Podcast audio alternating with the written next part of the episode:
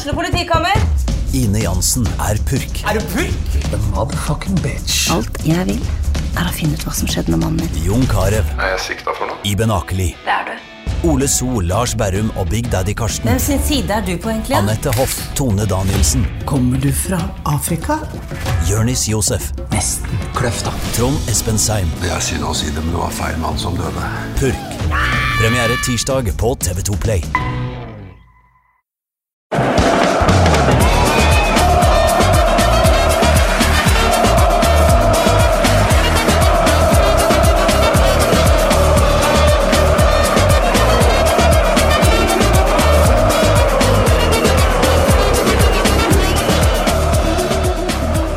Der var vi i gang med del to av Pyro Pivos eliteserie-preview. Eh, kan nesten regnes som en bonusepisode, siden det er to på to dager.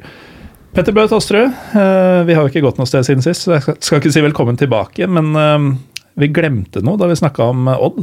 Var det noe Twitter-greier, skjønner jeg? Ja, altså Odd og keeper og sånn er jo på en måte et eget uh, kapittel i seg, uh, i seg selv. Altså Med tanke på hver gang påska kommer, så er det jo Rossbakk og kontraktsprat som er, går egentlig hånd i hånd med påska.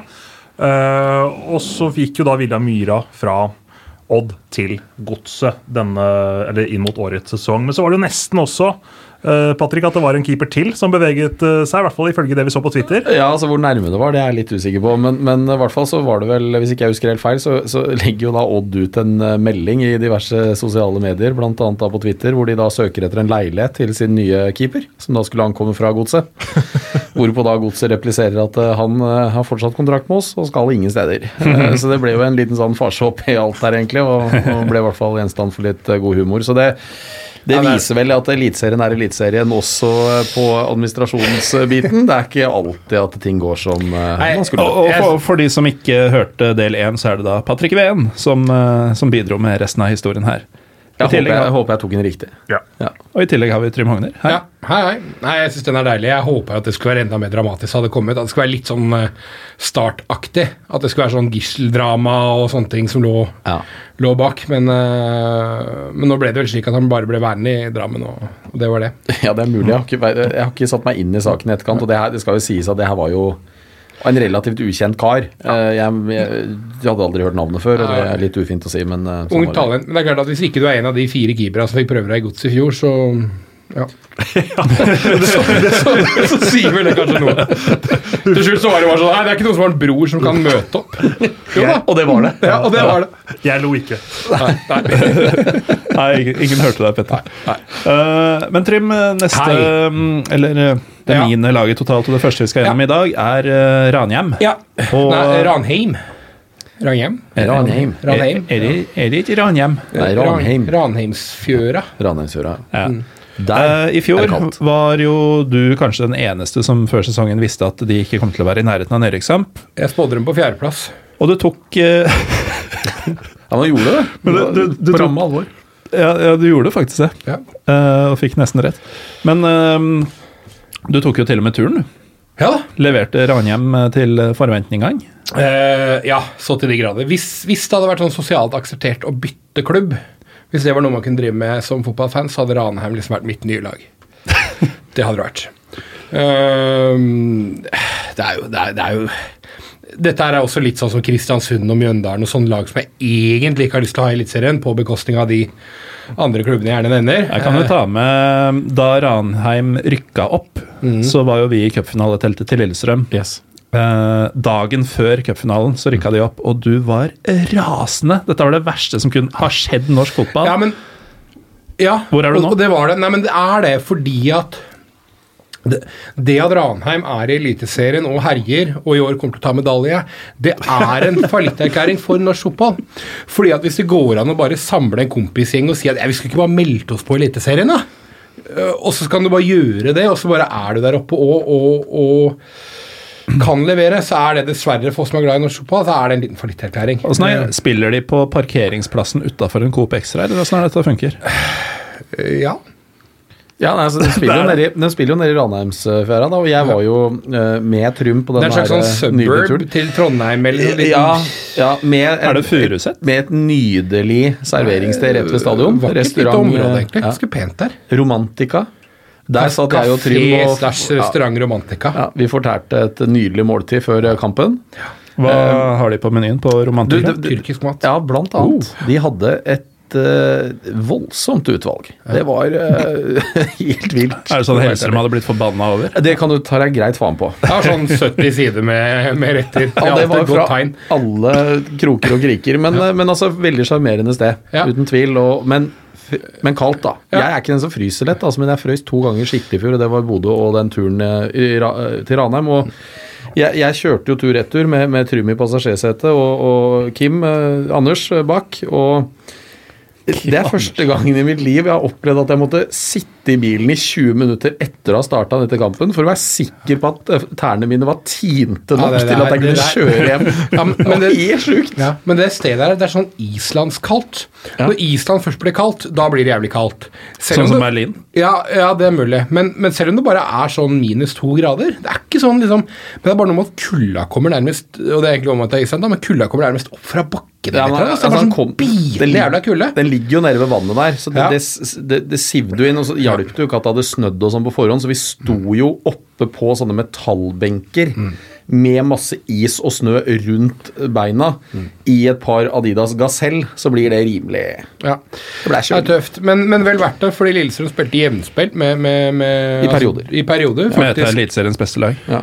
Et av Skandinavias beste lag. Ehm, men kjempe, kjempesjarmerende, for all del. Har ingenting å gjøre i Eliteserien, men utrolig sjarmerende lite område. Hyggelige folk. Um, den her lille kafé-restauranten som heter Romantica, som er tre ganger så svær som stadion, rett ved siden av. Men jeg lurer på om eh, Hvis ikke jeg husker helt feil, så hadde Rosenborg åttematch den eh, dagen der. Ja, det så kan jeg fortelle stadion ble jo tømt ti For- minutter før slutt. Ja, det, det, det se er det sjukeste jeg har sett, og jeg har vært på mye sprø fotballkamper. Det er det villeste jeg noensinne har sett. Vi begynner å nærme oss slutt, og Ranheim har selvfølgelig vunnet med god margin. Nei, det ble da noe å lure på. 3-2 da. Ja, ja, Ja. Men, men det var ikke noe å lure på. Det var ikke noe å lure på. Med god margin skjønner jeg at dette, her, dette er tre poeng. Tre enkle poeng. Var det med Rosenborg Brann, eller? Jeg lurer på det var Brann- Rosenborg. Men Men, jeg står der, og så plutselig så ser jeg folk begynne å løpe ut av arenaen. Og jeg tenkte faen, har det gått en brannalarm som vi ikke hører, hva er det som skjer? Folk beina av gårde. Og det var da rett og slett for at Rosenborg skulle spille på TV-en. Ja, klokka åtte. Det skulle folk hjem til. Nydelig. Det er aldri, Det er ikke nydelig i det hele tatt. Petter, du som uh, kan finne på å dra dit i embets medfør. eh, blir det en tur på Romantika hvis du blir sendt til Ranheim? Uh? Jeg har ikke vært på Romantika. Det er faktisk et helt ukjent sted uh, Det er det eneste stedet som fins i Ranheim. Det er jo- det er det. Ja, ja, det var- det er ikke noe annet. Jeg har vært på Ranheim flere ganger. Jeg var der da de rykka opp den kvelden i, i, mot uh, Sogndal. Uh, var der flere ganger i fjor òg. Det er et uh, fantastisk sted å komme til. Altså, sånn, Absolutt. skikkelig deilig dugnadskultur. Og så kan man si hva man vil om det er det vi vil ha i Eliteserien, men det er utrolig hyggelig å komme dit. Med sirkusdirektør Frank Lidahl som mm. sjef for, uh, for galskapen der oppe. Så får vi uh, Ja, vi er, litt sånn, vi er vel litt sånn spente på hvordan dette her skal gå videre, da. Selv om Trym skal Trym ha dem til. Royal League og, og alt. Ja. Men uh, det er jo et Ranheim-lag som på papiret er veldig svekket, sammenlignet med hvordan det var i fjor. Ja, det er klart at det, det er det jo. Men på papiret hadde de jo ingenting før forrige sesong heller. Nei, kanskje ikke. Eh, jeg var også faktisk ganske positiv til Ranheim på mitt eh, personlige tabelltips, som eh, kanskje ikke fikk altfor mange spaltemeter eh, før sesongen i fjor, det heller. Eh, for jeg hadde litt troa på dem, eh, men eh, Litt sånn eh, Jeg sliter litt med å sage dem like mye som mange andre gjør, eh, selv om de har mistet en del kvalitet. De har jo fått inn en spennende type som jeg er veldig begeistret for, i eh, godeste Mateo Lopez Ja, fra, fra Levanger. Levanger. Som, eh, som er en annen type enn det Løkberg er i, i sin indreløperrolle, men er jo en sånn begeistrende type da, som man har lyst til å se på. Og så er jeg litt mer bekymra for, for eh, de derre piskeslaga Løkberg og Vitry, eh, kanskje spesielt, og Egil Rismark ga til spillerne på treningen i, i det daglige. Å holde det trøkket oppe for den gjengen der som jobber også ved siden av. Eh, For du, du, må ha en sånn helt sjuk sult når du spiller for Ranheim, eh, og har jobb ved siden av. studier ved siden av. Det er veldig mye som stjeler fokus. Ja, For dette har ikke endra seg på et år. Det er, det er ikke sånn Nei, de, de har de har Ja, det endra seg litt. De har endret seg litt, ja. Så de har vel en dag eller to vel, så hvor de er fulltidsspillere. men, men, men første sesongen var noe helt spesielt, og det har vi hørt. uh, Eggen Rismark, som spiller nå i Brann, snakket, uh, han, har, han har snakket ut om det, at det der var veldig spesielt. Om de klarer å gjenskape den derre galskapen og den tenningen de hadde uh, i de kampene de fikk vist, uh, i hvert fall på vårparten av sesongen uh, i fjor, og som, sommer, sommeren for så vidt, for det gikk jo nedover på slutten av sesongen i fjor. Ja. Ja, så kom Lillestrøm, da. Så ble det en liten opptur. lø- Løsna det litt igjen, ja. Nei, men, men ja, de, øh, for å holde på å si svare på det spørsmålet ditt også, så har de vel tidligere hatt et sånn lønnstak på 25 000 per måned. Og det har de vel nå sagt at de kan De kan være villige til å gå, gå litt lenger lenger enn det. Ehm, men ja, særlig von Witteri og Løkberg ut er jo selvfølgelig Det, det, er jo ikke erstatta. Ja, og Egen Rismark, eh, selv Ja, om eh, Patrick kanskje ikke er like begeistra for han som meg, men på måten han passet inn i det Ja. Nettopp, ja. Ranheim-laget. Jeg, jeg snakker Ja. om Egen Rismark som en konkurrent til Acosta og Ja. Formgård. Det er noe helt annet enn å konkurrere med Ivar Furu. Mm. La det være sagt. Ivar Furu er kanskje mest trønderske navnet jeg noensinne har hørt. Ja, og han er ikke jeg så imponert over. Men, men altså det, det Ranheim-laget her, altså igjen da, litt sånn eh, der hvor vi begynte uh, del én, Uh, dette med kollektiv uh, Altså det kollektivet og identitet, det har jo Ranheim all masse. Altså den 4-3-en deres er jo velutvikla. Og det Trym sa litt flåsete om uh, samle en kompisgjeng og melde seg på Eliteserien, dette er jo faktisk en kompisgjeng Ja som, Ja som vil gi alt for hverandre. Ja, da, Reise på tur sammen og synger Rosenborg-sangen. ja. Ja, men de gjør det. Ja, men de gjør det. Men altså, de, har, de har en veldig tydelig identitet i måten de spiller på. Og som sagt, i Eliteserien så hold, altså, har du det beste kollektivet, så havner du ganske høyt på tabellen. Eh, du må selvfølgelig ha en viss klasse på spillerne, og, og, men det er mye gode spillere fortsatt igjen i Ranheim. Altså, Tønne er en bra spiller, Reginiussen er en bra spiller. Valden. Reginiussen Ja, er, han- ja, han er ikke bare en bra Ja, spiller, han er meget, eli- meget Eliteseriens beste fotballspiller. Men Valla Dønnem var jo en Han kommer fra Byåsen ja, og var jo en eh, åpenbaring i fjor. Styrte den der midtbanen helt enormt. Og måten han liksom tillater midtstoppere å splitte, og at Bekka kan gå så høyt, og måten han ligger og balanserer på i det offensive der, er jo helt enorm. Og Svein Målen, fryktelig dyktig fyr. De kommer til å videreutvikle den 4-3-3-en. Alle veit hva de møter, Ja. men de kommer ikke til å klare å stoppe de samtidige bevegelsene allikevel. Og da spørs det bare om kvaliteten på det øvrige er godt nok. Jeg er ikke Altså Jeg er usikker på spissplassen. Ivar Ja, Solli Rønning så jeg har Ja, sett mye HamKam de siste par åra. Ja, men hvor er Michael Carlsen? Ja, men, jeg er enig at han er greia. fantastisk god, men ja, for, eh, det, for at det er også en ting I, i fjor så blei jo han skada nesten halve sesongen. Og da mista de jo Hva hadde han 0,7 mål i snitt eller noe sånt per kamp, eller per 90 minutter? Altså det, øh, nå er han tilbake, hvis, hvis han er det, vil jeg merke. Og da, da er det en styrke som de ikke hadde halve sesongen i fjor. Og så har vi Ranheim en veldig veldig spennende ving i han Er det Solbakken han heter? Som de har store forhåpninger til der oppe. Jeg har ikke sett han noe særlig, så jeg skal ikke uttale meg for mye om han, men, men Ola. Mm. hvis det stemmer at han eh, kommer til å ta det nivået Det er han skal ta, det. så det, blir er det bra. det stemmer deg. Så jeg, jeg, jeg Ja, altså, det, det kan du bare ta deg faen på. Spor tida nå seks måneder frem, og så kommer vi til å snakke om han som en av de beste spillerne i Eliteserien. Så jeg, men, men jeg, jeg, er, jeg, jeg er heller ikke Jeg ser at eh, tabelltipsene til, til de respektive nettaviser og sånn begynner å dette inn nå, og Ranheim er jo plassert eh, langt ned i bånn der eh, på eh, samtlige. Ja, det er tviler jeg på. Det tviler jeg på. Jeg ser for meg rundt en tiendeplass på, på Ranheim. Litt svakere enn uh, i fjor. Uh, de har uh, fremdeles en midtbane som er veldig veldig Ja. solid, som du var inn, innom. De har Magnus Blakstad i bakhånd, som ikke spilte eliteseriefotball noe særlig i fjor. Han har rykket korsbåndet flere mm. ganger. Sondre Sørløk er også en spennende spiller som de har i, i, i bakhånd. Eh, de har eh, en veldig veldig god keeper. Eh, Ja, etter mitt syn så bør eh, godeste Even Barley Even komme inn i to- Der kan vi snakke topp fem i Eliteserien. Vi snakka keeper i stad. Og, så, så er jeg veldig veldig imponert over det Svein Målen driver med. Ja, jeg, jeg var på, jeg var på cupfinaleseminaret og hørte han fore- forelese for alle de andre norske topptrenerne. Mm. um, altså alle, alle som var på den forelesningen. Det var jo veldig veldig mange. Og han står der og deler hvordan Ranheim spiller fotball. Mm. Er så åpen, ikke redd for å dele noe, svare på spørsmål, Mm. eh, forteller hvordan de løser eh, eh, bevegelsen til indreløperen når de skal slå innlegg på første. altså Masse sånne små detaljer. Ja, 4-3-3 er et sånn plankesystem for mange, men det er mange variasjonsmuligheter Ranheim har innad i det systemet. Ja. Mange tanker Svein Målen har der som er veldig spennende. Så det er en fantastisk eh, ressurs for eh, Ranheim fotball. Ja, Det blir spennende å se han eh, når han tar over Rosenborg. Eh, Jeg skjønner eh, altså jeg skjønner hvorfor Rosenborg ikke gjorde det, men, men samtidig så eh, eh, altså Hadde jeg sittet som leder i Rosenborg, så tror jeg jeg hadde gitt han jobben i vinter. altså. Hadde du sittet som leder i Rosenborg, så hadde du beholdt den treneren du hadde.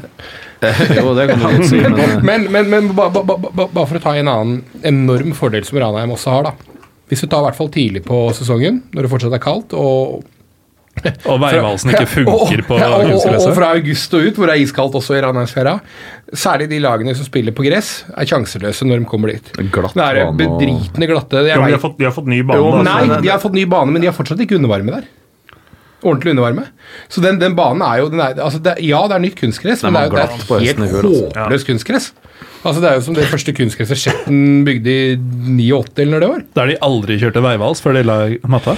Ja, så det er, det er en kjempefordel. Altså, det er, ja, men det, det så man jo øhm, Lillestrøm-spilleren også. Det var jo da på høsten, etter at de hadde bytta det, det dekket. De hadde ikke kjangs til å holde seg på beina der når det var kaldt. Hadde ikke kjangs. Men, men de profiterte ikke så veldig mye på det resultatmessig. da. De vant vel to av sine Neida. siste ti riktig. kamper uh, sist sesong. Det var jo våren uh, som var kanonbra, Ja, selv om de ja. kom i gang litt seinere enn de andre. Jeg tror Ranheim havner på øvre del av nedre halvdel. Ja, Tiende. Og Trym tror tredjeplass. Åttende til åttende til tiendeplass, tipper jeg.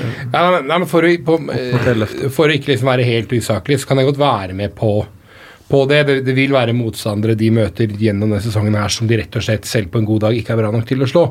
Spesielt på bortebane. Men, men Så ja, vi kan godt si tiendeplass, men, men, men for meg hadde det ikke overraska så voldsomt om de er omtrent der hvor de var i 2018. Nei, nei, ikke meg heller, men jeg, jeg, hvis jeg tipper, så tipper jeg åtte, ni, ti, elleve til. Og, og selv om jeg snakket om et par sånn boblere som er på vei liksom bak Mats Reginiussen øh, og sånn, som er spennende typer, så, så er det jo ekstremt avhengig av nettopp Mats Reginiussen da, ja, ja, ja. I, i det offensive. Hvordan han p- plukker målpoeng. Ja.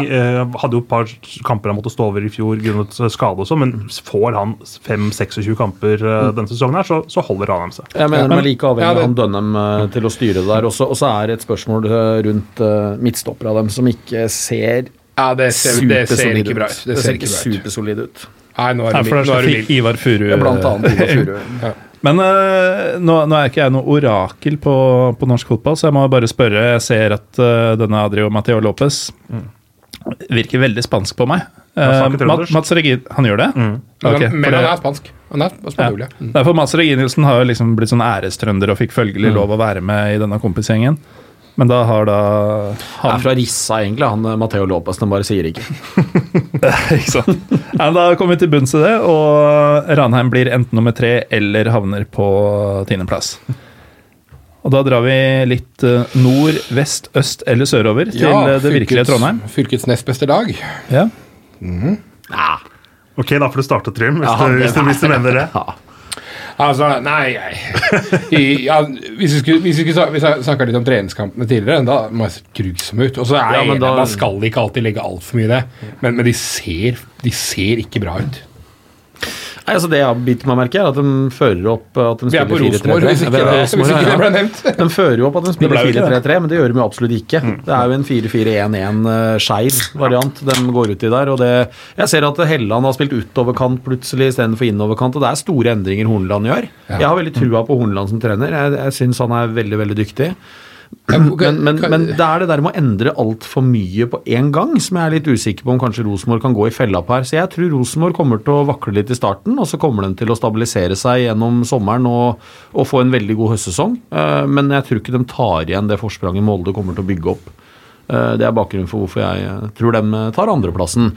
Og spillemessig, Akintola veldig veldig god for Horneland i fjor. Kjenner systemet. Han kan bli en hit. Og så er jeg litt usikker på hvordan han skal bruke Gjermund Aasen, som er en av mine desiderte favorittspillere i, i Eliteserien. Jeg syns Gjermund Aasen er en fantastisk god fotballspiller. Men han er avhengig av å få litt frihet i det offensive, og, og under Horneland så er ikke det noe særlig tema. Så jeg jeg er litt usikker på hvor han skal, skal passe inn i systemet der. Men eh, Rosenborg er Rosenborg, de kommer til å være gode. Men jeg tror de kommer til å ha et vesentlig høyere poengsnitt siste 15 enn første 15. Hvorfor det? Nei, rett og slett fordi jeg tror det tar tid å, å sette det som Horneland gjør. Jeg tror det er veldig mye endringer på en gang nå. Men, men- men når det der setter seg, så tror jeg det blir kjempebra. Men med det der apekattstyret de har der sånn Hvis dette her går dårlig fram til sommeren, eh, og han Horneland han har typ to sesonger bak seg som, som trener for et A-lag, kommer de til å være tålmodige med han? Det må de jo. Ja, det tror jeg. Jeg Ja. tror, jeg tror det går litt sånn Ja, men det er likevel et legitimt spørsmål, er det ikke det? Selv om han på ingen måte var noe førstevalg, andrevalg eller, eller, eller, tredjevalg. Nei, eller 16. valg. Men- altså, det, det det, men det er jo en massiv ufordel, da, når du veit at det har vært masse andre kandidater de egentlig vil ha. For det har jo den måten Jo, de har tror jeg han tenker i det hele tatt. Han gjør ikke det, men, men styret vil jo fort begynne å tenke at ja, nå blei kanskje en av de 17 andre vi heller ville ha ledig. Dette har funker jo, men- ikke helt. Vi veit hvor triggerhappy de er. Men, men likevel så, så tror jeg at det styret og, og Rosenborg er så opptatt nå uansett av å få ro. Det kan være det Det har vært, litt, ja. det har vært så mye nå det siste året med ja, show utenfor brakka hvor de har stått og hyllet eh, s- trenere som ble sparka. Det er har vært eh, rettssak hit og dit, og det har vært eh, eh, en, har spill- en, en spillergruppe som har levert en, eh, en underskriftskampanje omtrent for å få treneren sin tilbake. Det Men det er heller ikke en fordel for Horneland. Hvis, hvis man starter dårlig, så har du spillergruppe som fortsatt er litt på at "Æ, fy faen, Nei, det har de lagt bak seg. Ja, de har det. Ja, det har de lagt bak seg. Det, det, jeg For sånn det ser ut nå i treningskampene, så ser det ikke ut som det funker. Nei. De har tapt, hva er, er, er, er, de har fire av fem. Fire av fem? Ok, jeg tror det fem av seks. det, det funker ikke nå, det er ikke noe tvil om. Uh, Men at de har lagt de tankene bak seg, og at han kommer til å få ro uh, en god stund, det tror jeg. Altså, jeg tror ikke han kommer til å få fyken etter en uh, åtte kamper som kanskje du insinuerer litt Nei, jeg sier halvveis, så da er jeg på 15. Ja. Ja. Men han er jo Bjørneby sin mann nå, da. Eh, En veldig det- god venn med Bjørneby. Ja, og det er okay. klart at eh, sånn Nå veit ikke jeg hvor s- sterkt Bjørneby står i Rosenborg sammenligna med Koteng. Altså, jo, det veit jeg, for det gjør ingen. For Koteng er nummer én, to, tre, fire, fem og opp til nummer 100. Uh, han, er jo, han har jo litt sånn diktatorisk fremtoning der, framstår det i hvert fall som i media. Eh, skal man like eller ikke like det? Det skal ikke jeg mene nå, men, men det er klart at det, Du mener Bjørneby, noe om det? Eh, Nei, jeg gjør egentlig ikke det, for jeg, jeg veit ikke hva som er riktig for den klubben der. Eh, og de har hatt sterke personligheter der før, både med Nils Arne Eggen og, og Bjørn Hansen. Eh, Og sånn Per. Mathias Høgmo. Ja, men det fungerte jo ikke så bra, ikke sant? nei, Men, det men, var- men det har fungert veldig godt der tidligere med sterke folk. eh, Og derfor så skal ikke jeg mene at det er veldig negativt at Rosenborg har det. Men, men, men når det gjelder, når det gjelder Horneland, så det der med, med Bjørneby kommer til å, til å uansett gi han litt grann ro. Og de har tatt et valg, de har tatt et veivalg. Eh, og de, de går jo helt åpenbart vekk fra den målen fotballen 4-3-3, Nils Arne Eggen 4-3-3, og, og ønsker å innføre noe annet. Og Horneland sa det jo direkte ut her òg. At eh, selv om eh, han ble vel utfordra på det her, ja, det står jo at Rosenborg skal spille 4-3-3. Ja, men jeg har ikke sagt det. Litt sånn derre Ja, men Ja. jeg har ikke sagt det. Nei, men du sier at de har tatt et valg. Har de tatt et valg, eller har de ikke hatt noe valg? Nei, de har tatt et valg. Selvfølgelig hadde de valgmuligheter. De hadde ikke bare Horneland som var Nei da, interessert i men, å men det, er, det er en velkjent sak at de Jo. prøvde og, det, og de prøvde å hente veldig mange andre trenere. Det, det, det lakk jo veldig godt ut. Det, det føler jeg er Jo, veldig jo, jo, men når de da har tatt det valget, så har de Ja. tatt et valg. Og det har okay. tatt Horneland, som da er en helt annen fotballtype. Hvis de ville ha en 4-3-3, så kunne de valgt Svein Målen, de kunne valgt Fagermo, de kunne Tom Nordli, for den saks skyld. Mm. Hvis de skulle ha den 4-3-3-filosofien. Nå har de tatt et valg. De går vekk fra det. De går inn med en Horneland-fotball som er mer lik en kontinental type spillestil enn den typisk norske 4-3-3 og den trønderske 4-3-3 først og fremst. Da må de stå litt i det, altså. Du Ja. kan ikke kaste ut en mann 14 dager etterpå liksom, fordi at eh, treningskampresultatene har vært dårlige, eller fordi at, som jeg tror, at de kommer til å få en litt dårlig start på sesongen. Petter, du må nesten bryte inn denne denne Romeriks-greia. Nei, Jeg er jo enig i mye av det Patrick uh, sier, men for å gå litt tilbake til det du starta med, da, med sånn som Gjermund Aasen, som er en veldig god fotballspiller, uh, så stusser jeg jo litt da på hvordan disse nysigneringene skal passe inn i Horneland-fotballen. Jeg stusser litt på hvordan de spillerne som er i Rosenborg, skal tilpasse seg Horneland-fotballen. For Haugesund i fjor, det var en stram 4-4-1-1. Kontringsfotball, veldig høy intensitet i spillet sitt. Ekstremt. Det fikk de vist uh, Rosenborg i, i sin første kamp i Atlantic Cup, den treningskampen som Eurosport uh, viste. Der så vi liksom at spillerne var veldig på med en gang. Men nå, i de andre kampene de har spilt, mot Ranheim, eh, mot Brann, så har du sett at det har vært eh, ganske sånn langt for disse kantene eh, å komme opp i press. Det har vært eh, vanskelig for Mike Jensen og Bentner hvordan de skulle finne ut av presset. De sliter rett og slett med å løse det, det presset som liksom skal være trademarken da, til Horneland-fotballen. Og eh, du ser Gjermund Aasen, som ikke trives der han er plassert nå. Han skulle komme inn som en eh, nærmest som jeg kaller en sesongkortspiller. da, En spiller som skal bege- begeistre eh, Lerkendals-publikummet. Han er lokal, han skal skaffe målpoeng og sånn. Men nå finner de ikke helt ut av det. Ja, og det er tidlig. Eh, Dette her kan være et maskineri som fungerer i, i runde tre. Og vi har snakket om at Molde er, er sterke, men på papiret så, så har jo Rosenborg en vel så god tropp fremdeles, og egentlig kanskje bedre. Rosenborg hadde en dårlig sesong i fjor, men vant ligaen med henda på ryggen. Det er riktig. Um, apropos begeistre Lerkendalspublikummet. Uh, vi har jo da uh, tilsynelatende et brudd med uh, sånn trønderne forventer at man skal spille.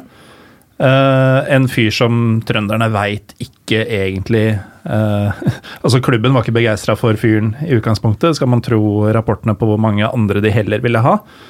Um, Åssen tror vi uh, kjernen og resten tar imot Horneland, hvis det skulle butte litt i starten, uh, Trym?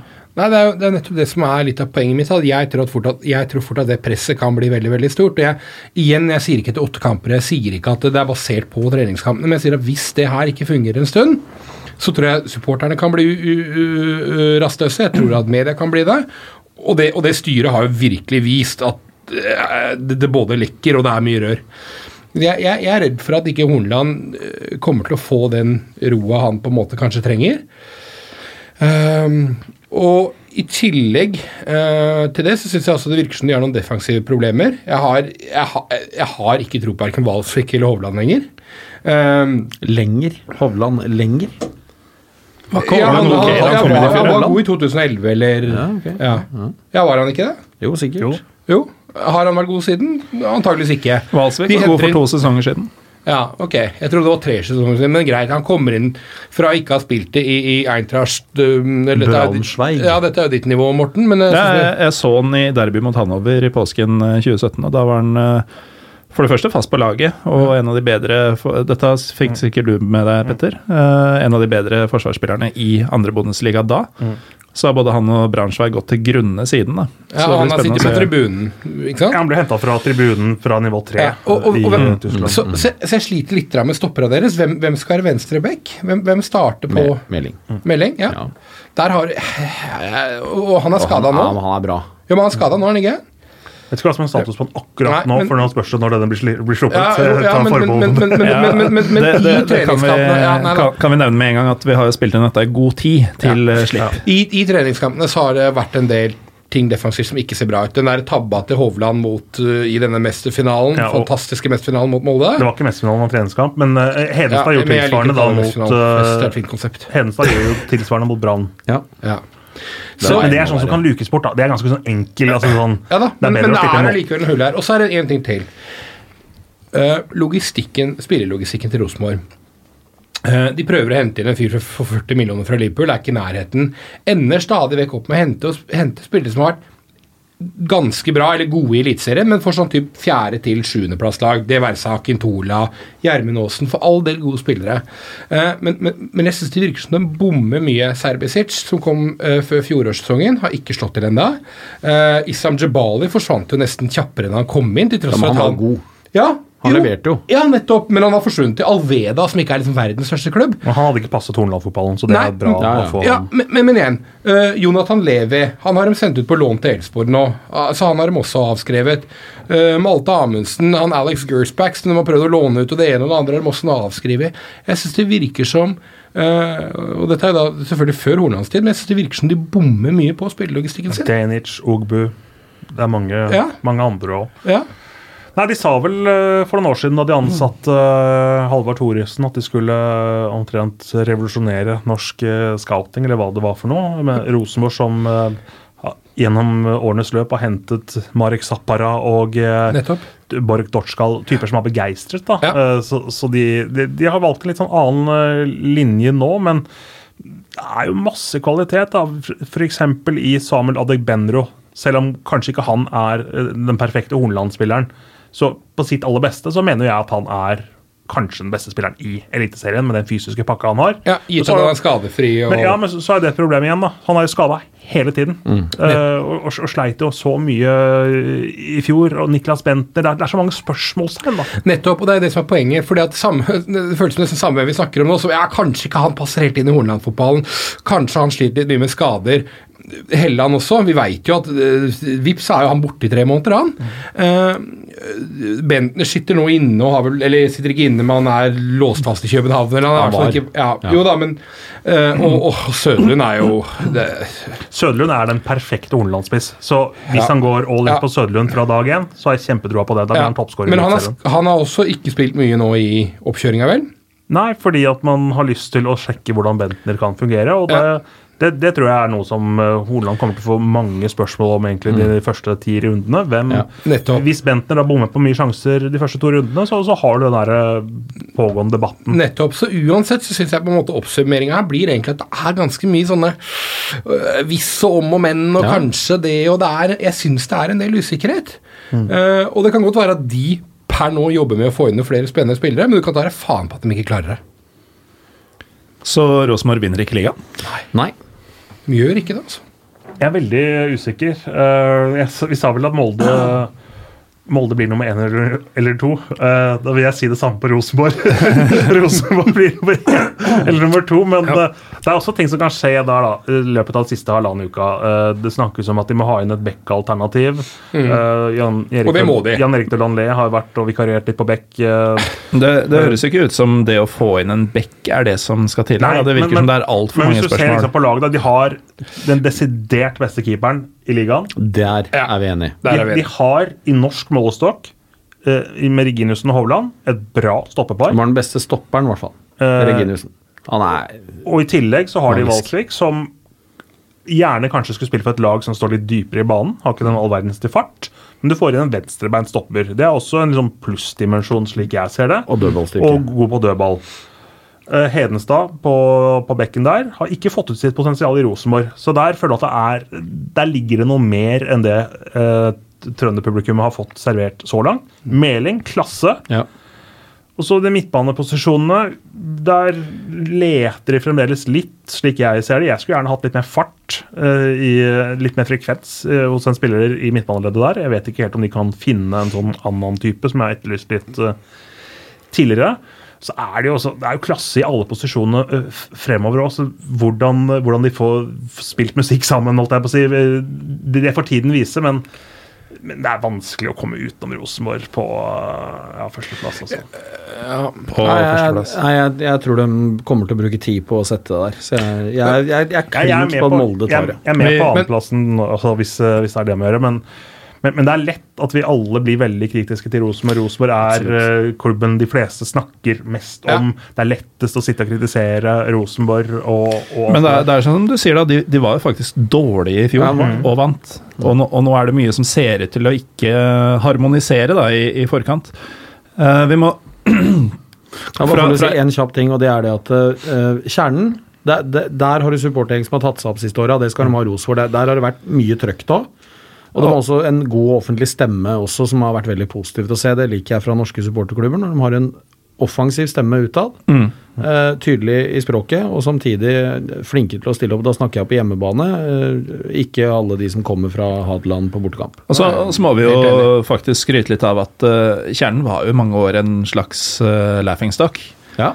Um, og så var det jo først da Rosenborg slutta å være best, Ja. at de virkelig tok stegene og per i dag og de siste par årene fort kan snakkes om som den i hvert fall stabilt beste supportergruppa i, i landet. Ja, de rister veldig på huet. Ja, fordi at jeg liker ikke at de sier 'kan snakkes om' som. Det er, de er på første, andre og tredjeplass.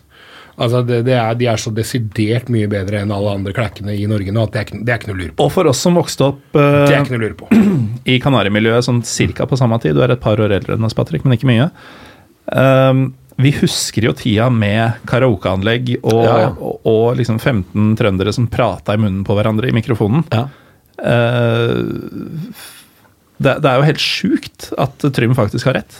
Ja, de har At hatt det en går voldsom an oppsving, å, være det- det er så drit, og så bli såpass uh, robuste. Ja, altså de, var jo, de, de reiste seg jo i motgangen, og det er jo faktisk uh, Det står respekt av det, men jeg, jeg liker at de har hatt en tydelig og, og god stemme utad og turt å kritisere klubben med, med rimelig Altså ikke 100% timing, men det er umulig som en supportergruppering. Men, men der er det Ganske bra timing. Bare skyte det kjapt inn nå, før vi har sluttet. Det er jo heller ikke en fordel for Horneland at de kom ut med den her offentlige greia om at uh, dette er ikke mannen vi vil ha. Igjen, det ligger masse ingredienser som kan bli en jævla bedriten suppe for han, altså. Sant. En uh, suppe som eh, derimot ser ut til å harmonisere mer eller mindre perfekt, hvor urtene har ligget i, i, eh, i krafta akkurat lenge nok. Og alle ingredienser byttes ut hver eneste gang. Det er Sarpsborg. Ja, da Alle er det dager. Sarpsborg. Ja, men det, vi skrøt jo en del av dem, Petter og Trym på åssen De har jobba over flere år på episode 100 på Ederkoppen nylig. Um, mye rart i høst, i og med at de eh, sikta så åpenbart på gruppespillet i Europaligaen, men uh, ja, hva, hva er ståa i Sarpsborg?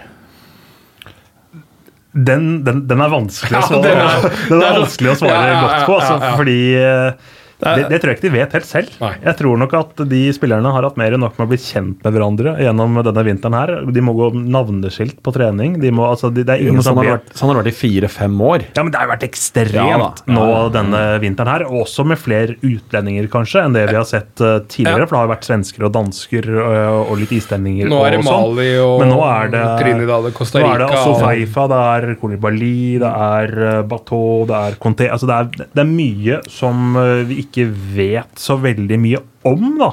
Og hvordan dette her setter seg, er jeg veldig veldig spent på. Men uh, Sarpsborg Jeg har snakket positivt om spillelogistikken til Sarpsborg eh, tidligere. Men det er jo ikke sånn at de pleier å treffe med de 12 13 jenter. Det er jo tre-fire som stort yes. sett får spille en del. Eh, nå nylig forsvant jo Harmet Singh til finsk fotball. Han var jo ikke en suksess i Sarpsborg i det hele tatt. Derfor havna han i finsk fotball. Mm. Nei, nei, men Det er bare et eksempel på at det er en spiller som har et ganske sånn solid navn i norsk målestokk, mm. Eh, men som de ikke fikk til å funke. En mm. annen mann som eh, man kanskje hadde litt forventninger til da han kom til Sarpsborg, er Kristoffer Larsen. Mm. Bergenseren som, som var der i fjor. Han er fremdeles i Sarpsborg, men kanskje er det en spiller som kan vise seg mer fram i år. Så man vet aldri helt hva man Tam får av, uh, av en del av disse spillerne her. Men selvfølgelig det er kvalitet der. Nicolay Næss skal bli spennende å se. Uh, om han blir en del av disse, denne faste stopperduoen. Uh, det vil jeg jo tro, men de har jo henta fire stoppere. Um, Som han jo gjør. Men, men jeg syns det, det er interessant at du tar opp det der, eh, Petter. fordi at eh, det her er vel noe som jeg som supporter da, reagerer litt på innimellom. er jo det at uh, Sarpsborg får ekstremt uh, ros for, eller ekstrem ros for logistikken uh, de driver med. Og de har, de har, de har treffet på ekstremt mye. Veldig bra. Men, men altså, det forsvinner folk ut dørene der også. altså Det er svingdør. Ja. Og, og det blir liksom aldri nevnt når de der ti forsvant ut igjen, som egentlig aldri blei noe. Mm. Uh, uh, så det er jo Altså, Det er ikke noe gærent med det, eh, på noen som helst måte, for dette her er hvordan fotballen fungerer. dette er mekanismene, Men altså, det er klart at noen av disse her kommer inn, og så forsvinner de ut igjen. Og så har de tilsynelatende vært flinke til å finne nye klubber til dem i etterkant. da, Så det, det skal de ha, ros for. Men i år har det, som dere sier, vært, vært helt ekstremt. Eh, og det, det litt sånn interessante oppi dette er at Hvis du har sett på treningskampene til Sarpsborg, så ser det ut som at den største nysigneringa deres kommer fra egne rekker. I Jørgen Strand Larsen. Han har jo Herregud, som han har herja i VM. han? Årets, årets toppskårer. Han skåra kommer til å bli fem- ligaen. han skåra 12 eller 13 mål hittil i sesongoppkjøringa. Det er helt vanvittig, og, og det gjør at den blir vanskelig å komme utenom. Sarpsborg er et vanskelig lag å spå i år. Litt fordi at de i fjor fikk vanvittig mye ros for europaligaspillet sitt, men leverte ganske tidvis dårlig i serien, spesielt på høsten. De har ikke det forstyrrende elementet i anførselstegn eh, som er Europaligaen. Men så det, blir det spennende å se hvordan de da takler det å nå være litt favoritter til å være der oppe. fordi veldig mange snakker om nå som Sarpsborg som den eneste utfordreren til Brann, Rosenborg, Molde. At de skal være der oppe. Det er jeg spent på å se. Eh, og så tror jeg de har gjort smart-signering i Linseth, som jeg nevnte i stad i Mjøndalen. Han kan bli en ny Zakariassen. Han, han har jeg veldig trua på. Jeg, jeg ser at Jørgen Strand Larsen kommer der. Og, men, men summa summarum, det er, det er ikke sånn kjempelett å spå det Sarpsborg-laget. Fordi at det, det er som sagt veldig, veldig mye spillere, både inn og ut. Og så er det én ting. De har mista Patrick Mortensen. Når Geir eh, altså når, når Geir Bakke satte opp laget sitt i fjor, så tror jeg han var førstemann på blokka. Han var omtrent den eneste av spillerne som starta hver eneste kamp. Sammen med Matti Lund Nilsen, faktisk. Så var Patrick Mortensen på en måte en krumtapp der. Han er borte. Jeg ser ikke at de har erstatta han. Eh, Fordi Strand Larsen er en litt annen spillertype, selv om han har eh, god fysikk. svær Han er svær, men har ikke den, han har ikke den der Mortensen-greia. Og Salvesen tror jeg ikke blir et førstevalg. Og han også er mye bedre med beina enn han er med huet. Og Steffen Lie Skålevik er i hvert fall ikke en sånn type Men Salvesen er vel henta litt inn som sånn erstatter for det Rashad Mohammed var i, i Ja. Europaligaen. For der var jo han tidvis bra. Ja, ja Rashad bra. Mohammed var bedre i Europaligaen enn han var i Eliteserien. Ja, er men, men, det- var en X-faktor, da. Og jeg vil også faktisk eh, trekke fram Tobias Heinz, som er en Ja, liksom annen spillertype. Jeg syns eh, det er ganske mye likt i Sarpsborg. Og hvis de får én til to-tre skader, så er det egentlig ikke så farlig. Nei, det, er, det ikke så veldig mange som er ekstremt viktige i det laget der. Så man er, man er litt usikker på elveren, men trygg på bredden? Nei, jeg er ikke så usikker på elveren likevel. For jeg tror fremdeles vi kommer til å få se gjengangerne Lund Nilsen eh, som kommer til å levere. Ja. eh, Joakim Thomassen kommer til å levere igjen. Tveita er en spiller som jeg mener går litt under radaren også på backplassen. De har en god keeper i Vasiotin. Mm. Uh, og Halvorsen, som jeg vel nevnte, han, han er som jevn poeng, mm. poengplukker. Og så er det et par posisjoner som må sette seg. Jeg tror at Sarpsborg kommer til å spille veldig mange jevne kamper, og jeg tror at de kommer til å få problemer med å vinne en del av de jevne kampene. Mm. at det kommer til å bli litt bak det kanskje en del andre forventer. Så jeg ser for meg typ femteplass typ for Sarpsborg. Det blir litt mer sånn hverdag i år overfor, overfor dem. Ja, det det. De, de, de pumpa seg opp til disse fantastiske europakveldene som de hadde i fjor. Og, og da, da la de jo alltid potten all ære til klubben, øh, klubben for det. Men, ja men det blir litt sånn en svær treningsgruppe nå. Hvor, øh, hvor lett er det å holde alle øh, på tå? Hvordan blir rotasjonen denne sesongen når du har så mange spillere og Ja. så få kamper? i anførselstegn? Mister Patrick Mortensen. Bøtta ikke inn mål, men jeg tror han betydde ekstremt for klubben. Ekstremt viktig. Jeg er spent også på Bojang, som henta sommeren i fjor, som jo kom fra Skeid. Som hadde en kometkarriere i Skeid, fra å gå fra å holde på å si, nesten sitte på benken på Skeid 2 til å plutselig bli en vanvittig høyrebekk i andredivisjon gjennom mm. vårsesongen Ja, i fjor. fin. Vi var jo så på en trym et par anledninger. Eh, utrolig spennende type. Masse masse fart og sånn. Og, og han tror jeg kan bli en attraksjon på sikt, eh, men han er nok ganske langt unna å, å være eh, i elveren akkurat nå, sånn det ser ut. Og så nevnte vel du Jon Helge Tveita. Han er en av de mest undervurderte spillerne i Eliteserien. Jeg tror han, han, han, han, han taper på at han har et sånn der bånn kjedelig navn. Jon Helge Tveita. Det høres ikke ut som det er veldig god til å det høres ikke ut som er god til spille fotball. Han er rett og slett veldig god til å spille fotball. Og så blir det jo spent eh, Jeg vet ikke, jeg har ikke sett Sarpsborg så mye i innledninga. Gaute Wette er jo en eh, fyr som jeg har sett positive tendenser hos, som kan bli spennende å se. Men de har så mange! De har så enormt mange! Hvordan skal de holde alle disse her er happy? 70 mann i en stallen. Men det krydderet som de har fått til nå, da, er jo denne Conté. Som de mener er den nye Krepien Diatta. Ja. Bobakar? Den nye Babakar, kanskje? Selvfølgelig livsfarlig å gi han en sånn merkelapp, og veldig urettferdig, syns jeg. det, er, han- det er aldri lurt. Det er liksom Vålerenga var siden i Oslo en gang i tiden, og det der er ikke noe lurt, ass. At han skal uh, få det på sine skuldre med en gang. Men det er jo en spiller jeg ikke har sett noe særlig uh, selv, som jeg kan huske. Jeg har jo sett noe landslagsfotball opp igjennom, men jeg vet ikke om jeg har sett han. Nei. I hvert fall ikke sett en Sarpsborg. Uh, og han kan jo spille da i alle de offensive posisjonene. Uh, sett den litt på YouTube nå den siste tida. Der er selvfølgelig alle gode, men det ser jo ut som en artig type. da. Så hvis han får vent seg til uh, kunstgress og uh, norsk fotball, så til sommeren så kan han sikkert bli en, en fin tilvekst og være den X-faktoren som jeg savner litt. Ja, og det, og det kan godt tenkes. Men han, han, er fra Mali, akkurat som han Kolibali. Og da antar jeg at han utelukkende snakker fransk. Og så har man henta inn et par, par stykker fra, For vi snakker om at de, de sender ut veldig mange spillere, og de henter mange nye, og disse her skal bli kjent med hverandre. Men hvis du også har veldig mange spillere som kommer fra veldig ulike kulturer, nasjoner og andre ting, så vil det også gjøre at de har ulik spillestil, forståelse, at, det vil, at, at det også kan gjøre at det tar litt grann tid. De har henta inn et par stykker fra Costa Rica, og det er også en sånn interessant greie i Eliteserien. for at Spillere i Eliteserien fra Costa Rica én av to ting. De er superræva eller sinnssykt bra. Det har aldri vært en midt på tre-spiller fra Costa Rica i Eliteserien. Det, er- det er så enten-eller. Hvor, er set, hvor setter du da Chelsea Borges? ja, helt enorm. Og det, det har jo karrieren hans i etterkant vist. Hvor, hvor Jo, jeg, er jo enig i det, men altså, øh, han, øh, det var jo mange som tenkte at han er jo ikke all verden. Nei, men da skjønte de ingenting. Tenk deg det. Men det, det, på den annen side da, så har jo Lucas Prato og, og Mathias Almeida uh, ja, ja, det er krig fra Costa Rica, men, Nei, nei. men, men, men, men, men poeng, poenget mitt er i hvert fall at når du, når du henter hvis, Ta Lillestrøm som eksempel. da. Mm. Lillestrøm er ganske konsekvent på at de helst har skandinaver, og så kan de eventuelt spe på med Eller så sper de også på med nigerianere. Uh, og på den måten så har du ikke altfor mange forskjellige variabler på kulturer, språk osv. Sarpsborg skal få alle disse gutta. De har henta inn uh, han Bateau eller hva han heter for noe fra Trinidad. Han snakker selvfølgelig engelsk og har spilt over hele Europa. Men, men du, du, skal få veldig mange til å passe inn samtidig. Uh, og det i seg selv er også en, uh, antageligvis en stor utfordring. Og de har lykkes med det flere ganger på rad. Eller flere år på rad. Altså, De har jo gjort dette her ti mann i ut, tolv mann. Altså. Sånn har det vært hvert år. Men, men, men når man klarer det hver eneste gang For det er mange ting som skal klaffe. Og Rent tribunemessig er det ikke så mye å si om, eh, om Sarpsborg, selv om de fylte de provisoriske tribunene sine i Europa. Men det er det har blitt vesentlig mer trøkk å komme til. Men det er voldsomt trøkk på hockey ja, men i Sarpsborg. Det er lett å øke trykket fra null.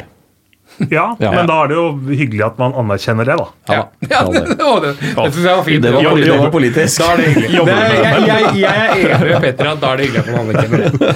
Uh, men det er klart at det er jo ikke det Østfold-laget vi helst vil ha til Eliteserien. Det er jo ikke. Men er, er vi enige om sånn nedre halvdel av øvre halvdel? Altså femte Ja, til åttende det, der? Åt- Åttende til femte. Altså, Nei, jeg, jeg, vil, jeg vil si fjerde til sjette. Ja, jeg, ja, jeg også tror fort det. Ja. At de Ja, okay. tar noen det er- steg fra Ja, Hvis jeg har sjette er en ganske dårlig sesong for det Sarpsborg-laget sånn det framstår nå, og fjerdeplass er en bra sesong. Alt over det er overprestering. Så femte er middelmådig. Ja. Lagom, heter det vel. Lagom er best. er, eh, det er nådeløst i norsk fotball. Ja, det er det. Uh, og nådeløst eh, vil det vel fort bli for Stabæk denne sesongen, Patrick? Altså nå, nå spørs det jo helt hva som skjer med, med, med det laget der eh, framover. Spesielt med tanke på, på Ohi og, og hvor han står. Eh, registrert den hos Norges Fotballforbund når vi skriver eh, 31. mars, eller 1. april klokka 23.59. Dette Stabæk-laget er jo tufta på en fotballstil gjennom høsten i fjor etter Henning Berg sin inntreden som handla om å ligge lavest mulig og så mæle ballen opp på Frank Bolli. Og så lenge Frank Poli på en måte da leverer som det han gjorde i fjor høst, hvor han da i mine øyne var den beste spissen i hele Norden gjennom høstsesongen i fjor. Han var helt enorm. Uansett hva han tok i, så ble det gull. Bortsett fra et par straffespark, da. Eh, De er så avhengig av det kontringsspillet. En skade på Boli, så skjønner jeg og, og hvis OI forsvinner, så forstår jeg ikke hvordan det Stabæk-laget skal ta et eneste poeng. Fordi at det ser rufsete ut defensivt. Demidov er eh, en skygge av det han aldri har vært. Eh, og det er jo ikke sånn spesielt bra. Eh, de lefla fælt i fjor med at Granli skulle bli stopper. Han fikk en del kamper, han er i AIK. Hanke Olsen fungerte ikke optimalt. Steinar Strømnes gikk stort sett skada gjennom året. Skulle være en brukbar tilvekst der. Skogseid skulle være en rutinert fyr. Han, Ja, han har jo lagt, lagt opp. Og så har de mista Moussa Njay, som var på en måte det eneste kontringspunktet de hadde eh, som kunne understøtte da Ohi og Boli. Og Spesielt da ute til, til venstre, og, og var et aktivum der. Børkeeie skal fortsette å dominere inne sentralt. Eh, Abubakar Keita, som, Abubakar Keita, som var en vanvittig god tilvekst for det Stabæk-laget gjennom høsten i fjor, han er borte. Og Det de har henta inn, da, er to Ullern-spillere, en Nordstrand-spiller, eh, som jeg aldri har hørt om noen av dem, for å være helt ærlig. Og så har de da henta en aldrende Daniel Bråten fra Brann. Og så har de henta han Matthew Ruzike, som jo kan se ut til å være en litt spennende Men hvor skal han spille, da? Hvis, hvis og Ohi fortsatt er der, hvor skal han spille hen? Og Sindre Maurits Hansen er tilbake fra Strømmen, hvor han hadde en decent greie. Jeg syns ikke Stabæk blei vesentlig bedre defensivt etter at Henning Berg kom inn i fjor. Jeg syns det rufset ut. Jeg syns de forskyver seg veldig veldig seint i ledda.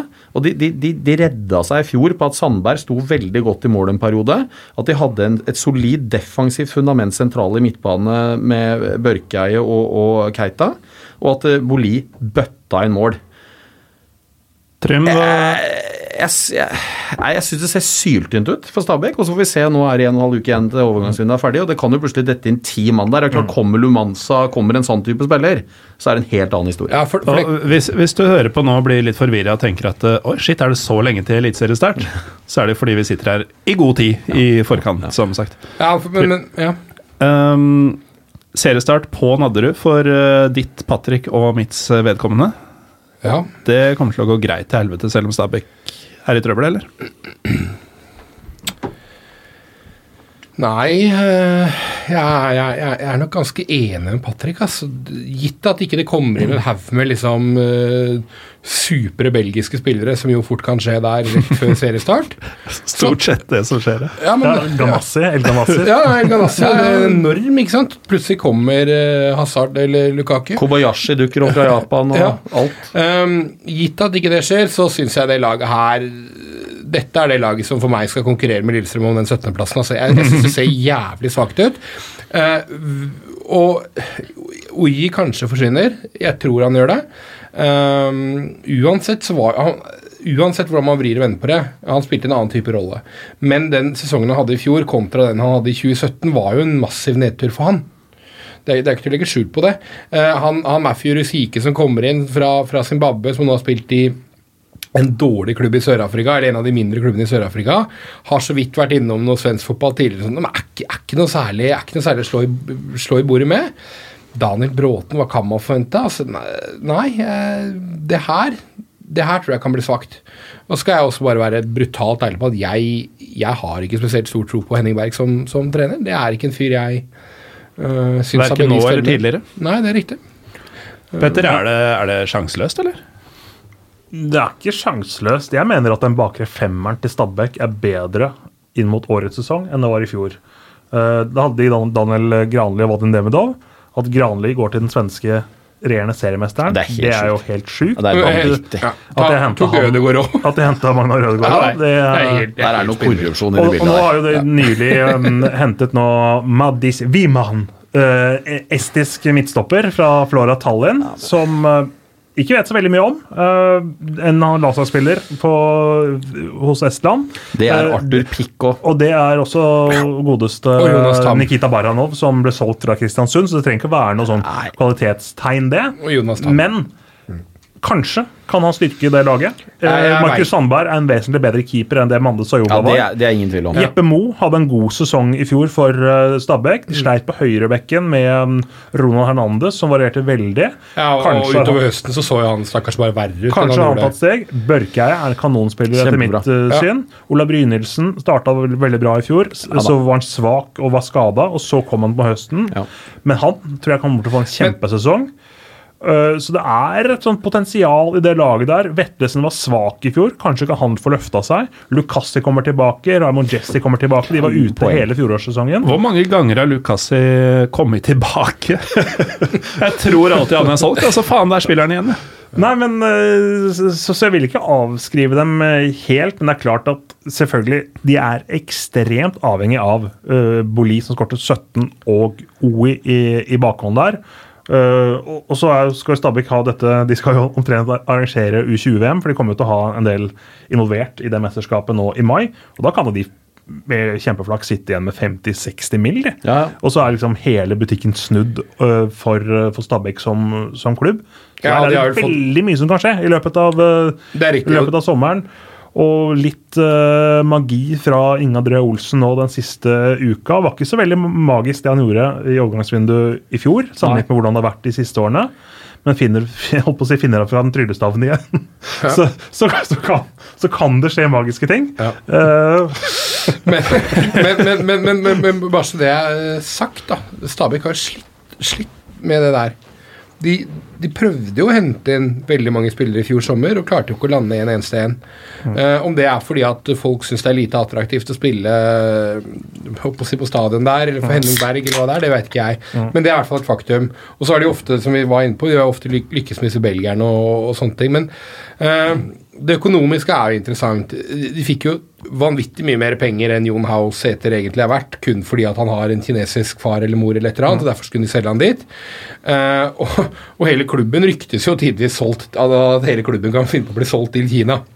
Eh, så, så plutselig så kommer det inn noen, noen penger der, også basert på det du sier, som, som, som kan gjøre at de har litt mer handlingsrom. Da, da, da kan det være Stallen ser ganske annerledes ut utover sesongen kontra hva vi sitter med på en måte papir foran oss i dag.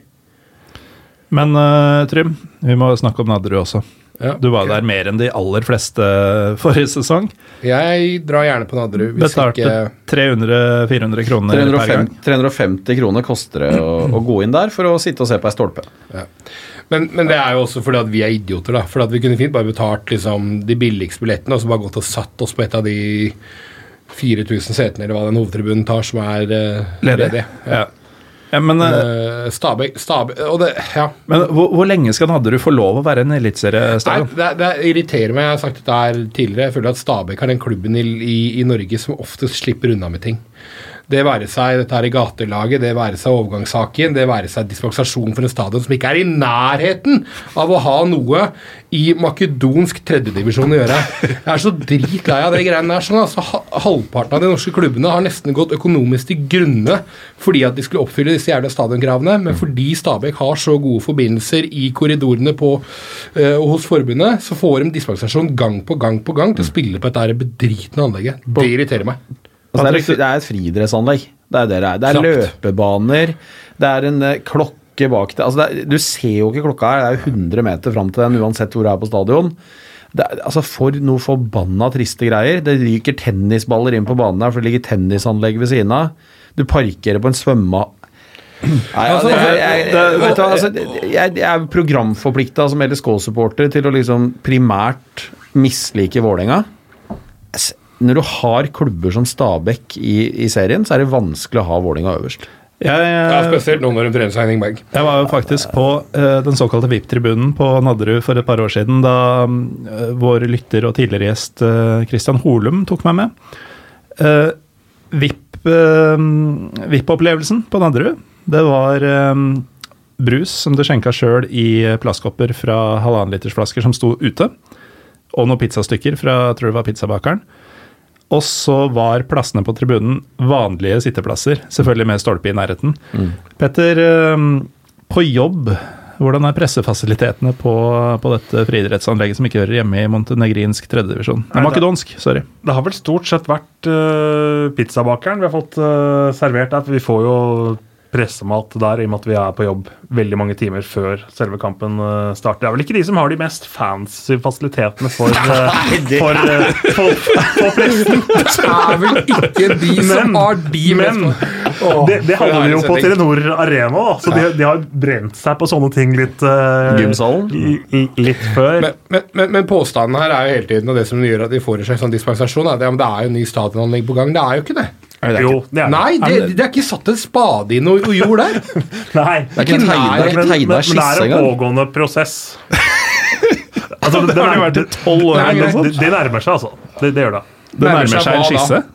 Nei, det nærmer seg å få godkjenning fra kommunen, etter hva jeg forstår. Det det eneste som er positivt med Stabæk, er at det er kort hver reise dit. Jeg tar trikken Nei, litt, altså, en, en, hvis du skal trekke fram noe positivt med Stabæk, så er det uh, s- et, uh, gjennom mange år vært et av de morsomste lagene å se på, syns jeg. Ja, Det er det ikke lenger nå. Det er det ikke lenger nå under Henning Berg. Det var kanskje jo- litt mer traurig mot Ja. slutten av sesongen i fjor, men uh, det går jo også litt på at man kan jo ikke komme inn til et lag og forandre for mye heller, som for så vidt Patrick har vært innom uh, med, med Rosenborg også. at Man må ta det litt gradvis. og Henning Berg har jo nå varslet at uh, det skal kanskje bli litt mer spennende å se på den kommende sesongen her nå, for nå har han fått litt mer bedre tid til å sette sitt preg på laget. Høres det, ut. Og det, ja, det, det er mulig at det- dere trekker inn Lillestrøm-minnet deres med Henning, uh, Henning Berg, men um, Men du eh, er jo eh, kjent med Henning Berg fra tidligere, du også? Ja, jeg er kjent med både Stabæk og Henning Berge og, og Lyn og alt hvor han har vært. Og i, vi, har- vi har spark, han får sparken i alle klubber han har vært. Ja. Uh, Hver eneste en! men men det er vanskelig. Du kan ikke si imot det. Så, så, så jeg må si ja. Men, uh, Det er riktig. men alt hviler jo ikke på han i denne klubben her heller, da. Jeg vil jo prøve, prøve å trekke fram litt positive ting med det laget. Det er et ungt lag fremdeles. Det er Ja, og mange den, den er jeg med på. Og, og det er fortsatt det er vel, Jeg tror bare det er altså av Hvis du ser på alt av u, spillere på ulike U-landslag, Uh, så er det vel bare Vålerenga tror jeg, i hele Norge som har, har flere spillere per nå på, på de ulike yngre landslagene. Og det, og det, det skal jo Stabæk ha for. og det er jo der er jo, Sånn sett så er jo Henning Berg en god match med, med Stabæk, fordi at eh, Henning Berg er jo villig til å la unge spillere uh, prøve seg. Uh, det var han jo også i, i, i Lillestrøm. Eh, og det er klart at der Jeg er enig med deg blant annet i at Vetlesen Jeg tror at han har mye mer å gå på. Um, men like fullt så ser jeg Jeg ser manglende dekning, og jeg ser en, basert på den spillestilen de hadde i høst, så har jeg, har jeg lite tro på jeg, jeg, jeg, tror at det blir veldig forutsigbart for mange av klubbene å møte, møte dem. Men det er, jo, det er, jo, tre ting her som er spenningsmomentene når det gjelder spillere. Det ene er jo, eh, som, som du sa, Hugo Vetlesen. Kan han komme tilbake på det nivået han viste tidligere? Eh, så er han en fantastisk god spiller. Eh, Brynildsen, som du nevnte, Petter. Kan han stabilisere seg på, på et høyere nivå enn det han har vært på tidligere? Og så er det Emil Bohinen. Jeg er litt spent på han. Hva, hva har han i seg? Det, det viste noen små glimt gjennom høsten i fjor. Fikk veldig få sjanser. Men, men, men altså det, jeg, jeg, tror det er potensial der, så jeg er helt enig i det. Altså, la meg liksom moderere meg litt også, siden vi er i modereringsfasen her.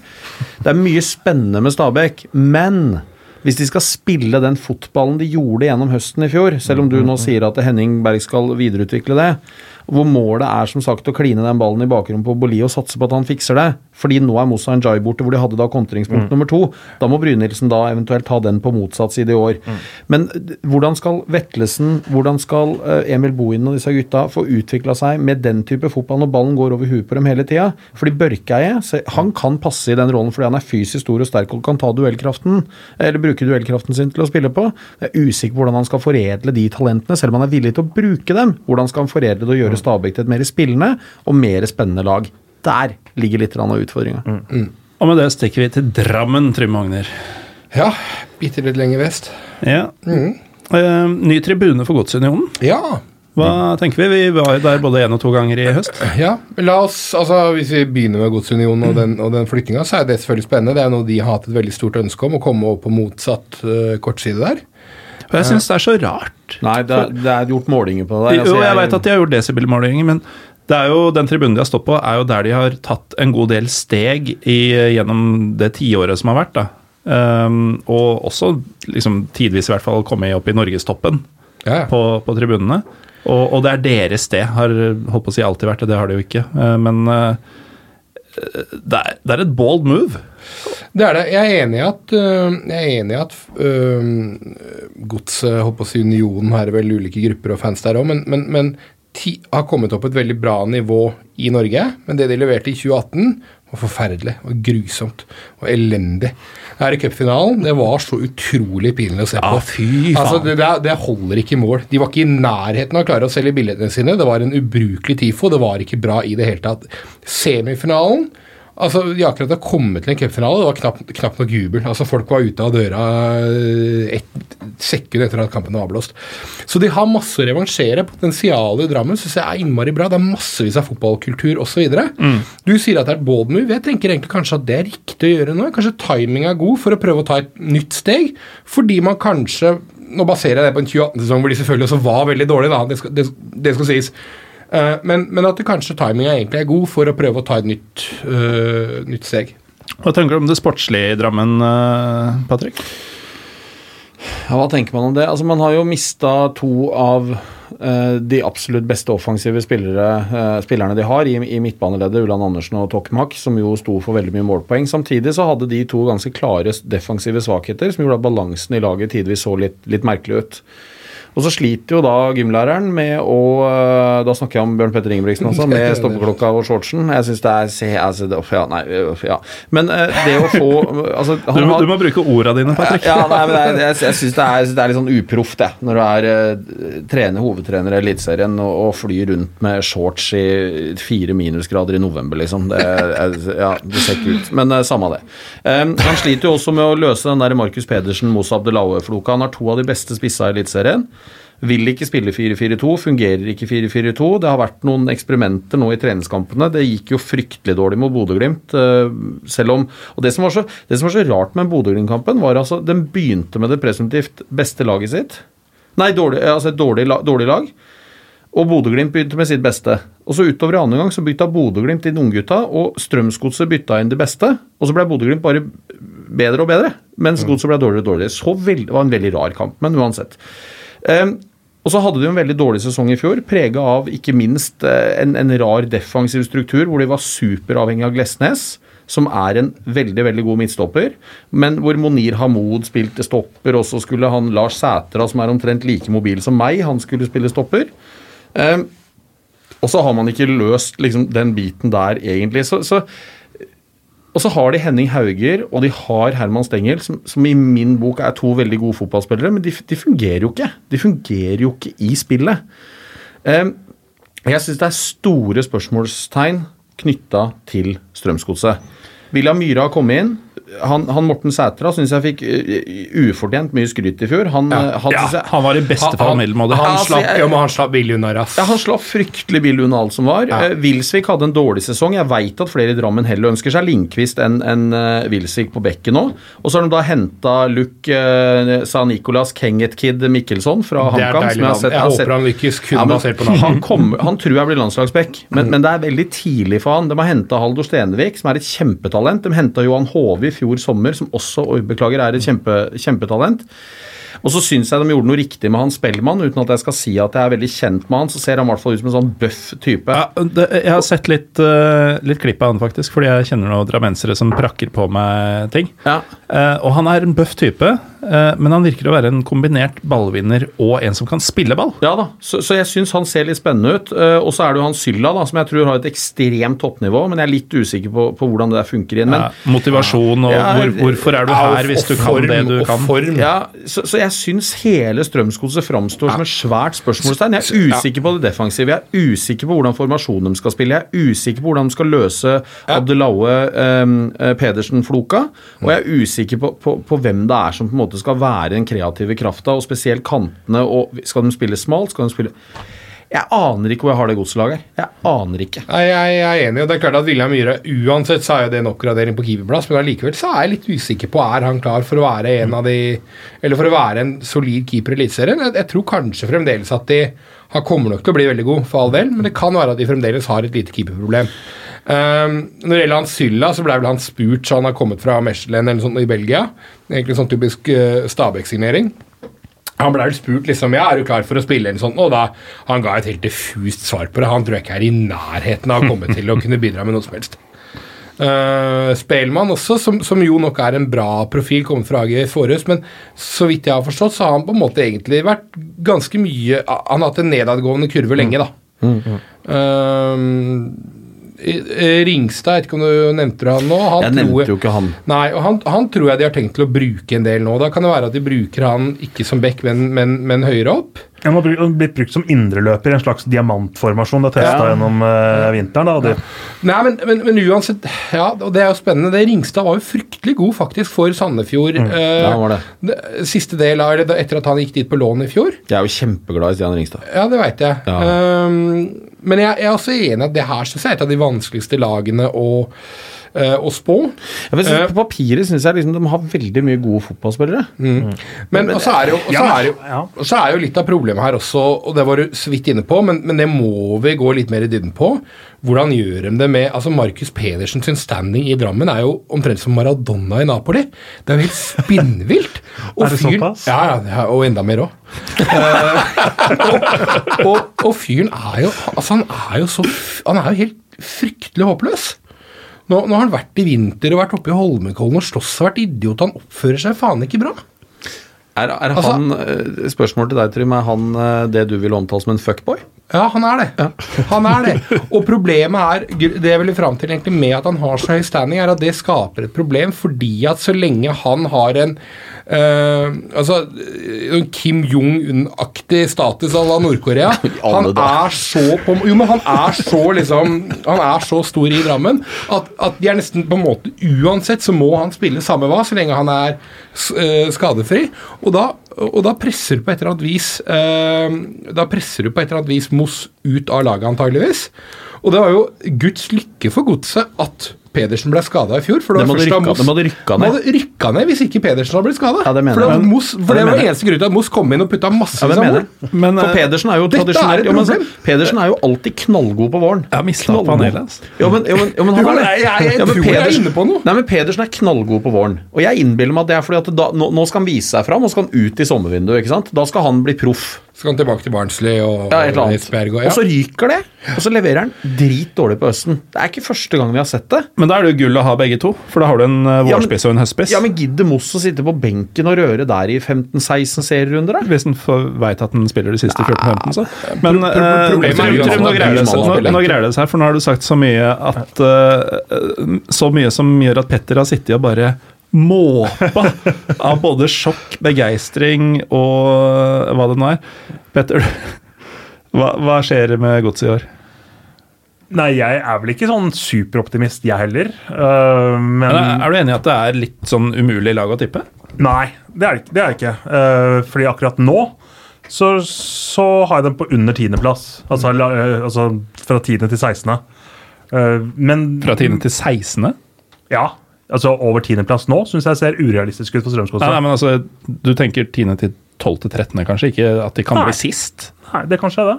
Dang. Hvorfor er Godset så veldig mye bedre det enn eh, enn det de var i fjor? Nei, jeg er Jeg, ser, ikke, ser ikke helt det. Det er sterke personligheter i den garderoben der. Er BP den sterke lederen den gjengen der trenger? Nå har de fått ut uh, et par personligheter som var veldig gode på banen, men også var veldig dominerende i garderoben. Kanskje er det et pluss, kanskje er det et minus. Det, det vet man ikke.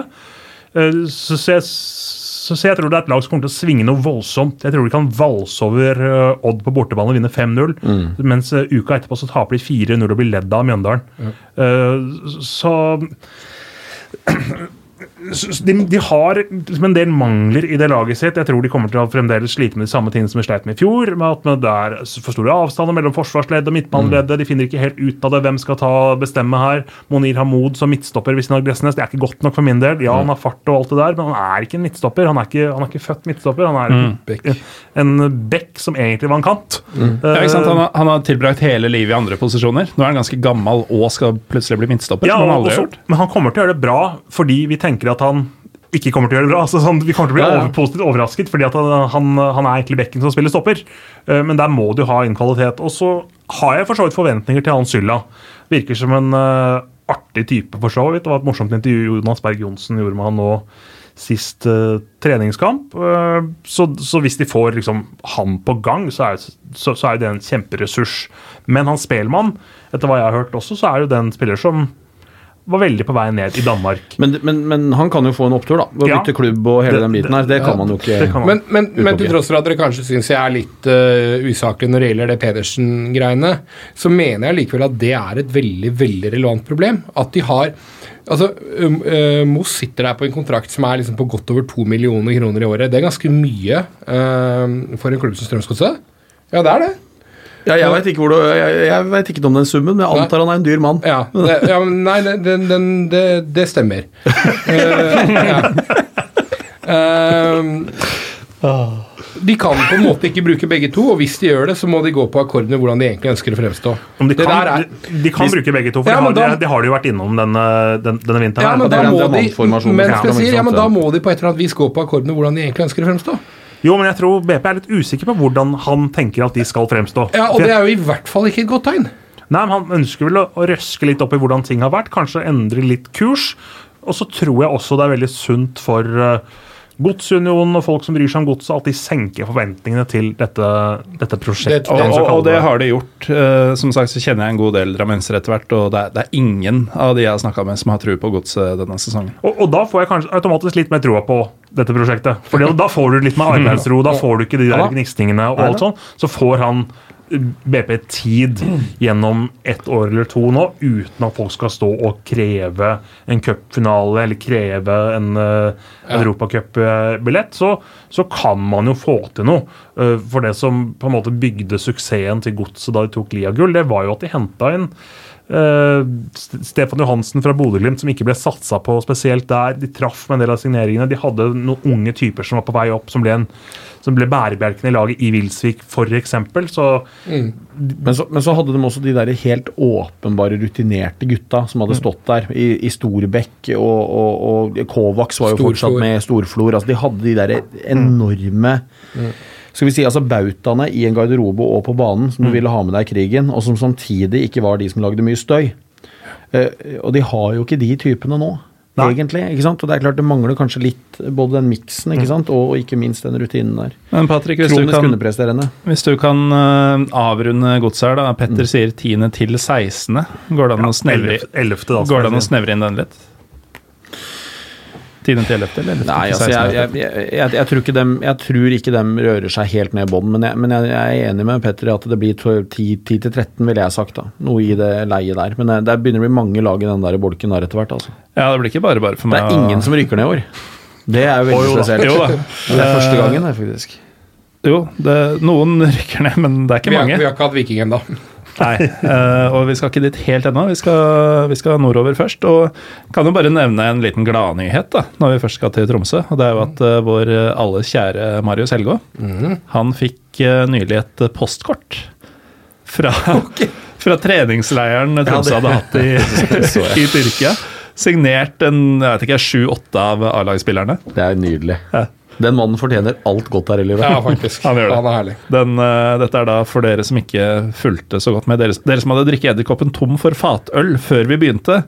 Dette er da mannen som eh, spilte basstrombone for dere de første fem minuttene av Hvis du, er på, hvis du er på time fire av den uh, dobbeltepisoden her nå og ikke veit hvem Marius Helgå er, da Da har du valgt et er sted å begynne. Men, men hvorfor fikk han dette postkortet? Var det noen spesiell anledning? Eh, Han er veldig på Han er glad i postkort. Å ja. Og så kjenner han tydeligvis Så nydelig, altså. Jo, men jeg, jeg har selv blitt bedt om å sende han postkort når jeg har reist. Og det, jeg tror ikke jeg er aleine om det, for å si det sånn, for jeg kjenner han ikke så godt. Han er helt nydelig. Men, men han har da tydeligvis blitt kjent med en del av spillerne. Som det, er, det er kanskje Ja. si én eller to har funnet ut at nå sender vi et postkort til Marius, og så får de flere til å ja, signere. det, Herlig av Tromsø-spillerne. Altså. det er Ja, det, er, det er helt nydelig. A- apropos Apropos Tromsø og ting som er herlig. Vi, vi snakka tidligere om den Eurosport-promoen som var veldig kul. Ja, vi Tromsø vi snakka om den i går, teknisk Ja, sett. tidligere. for- ja. tidligere. Det er tidligere. Uh, jo, jeg kan ikke bli korrigert på noe som ikke var feil.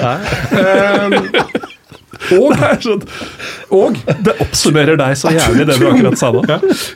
Tromsø hadde også en helt fantastisk reklame eh, rundt juletider om sesongkort på, på eh, Holdt på å si på Nadderud, nå er vi på Alfheim.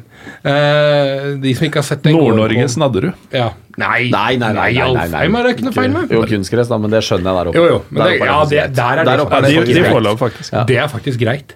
Eh, men den, den syns jeg var veldig kul. Eh, så mellom Marius Helgå og, og den, så heia TIL. Men- men TIL er- Eia heter det. TIL er sterke på sosiale medier, Ja, så de har ja, en del andre morsomme videosnutter de har lagt ut. Så Det er kult. Ja, er det feil å si at Tromsø nesten framstår som litt kule? Altså, du, du har Simo Valakari. Du har tydeligvis en eh, en ålreit eh, gruppe spillere som tar seg bryet med å sende et postkort til en av håper å si mange, en av de supporterne de har. Eh, og de leverer på sosiale medier. Det er, det er nesten noe hipt over dem. Ja, altså I hvert fall når du var inne på Vallakari. Jeg syns jo den stilen Tromsø kjører på, ultranei, men utrolig kul. Jeg syns jo når det der klaffer, og det, fallhøyden er jævlig stor, men når det, når det klaffer, så er det jo helt nydelig. Det er jo nesten bare Koffa i hele Norge som spiller finere fotball enn en Tromsø når det fungerer. Ja, han er herlig sta. Husker jo første serierunde i fjor, da de ble feid av banen, tatt 4-1 vel mot start. Eh, det, var noen tversoverpasninger her som ble brutt, og det så helt nakent ut.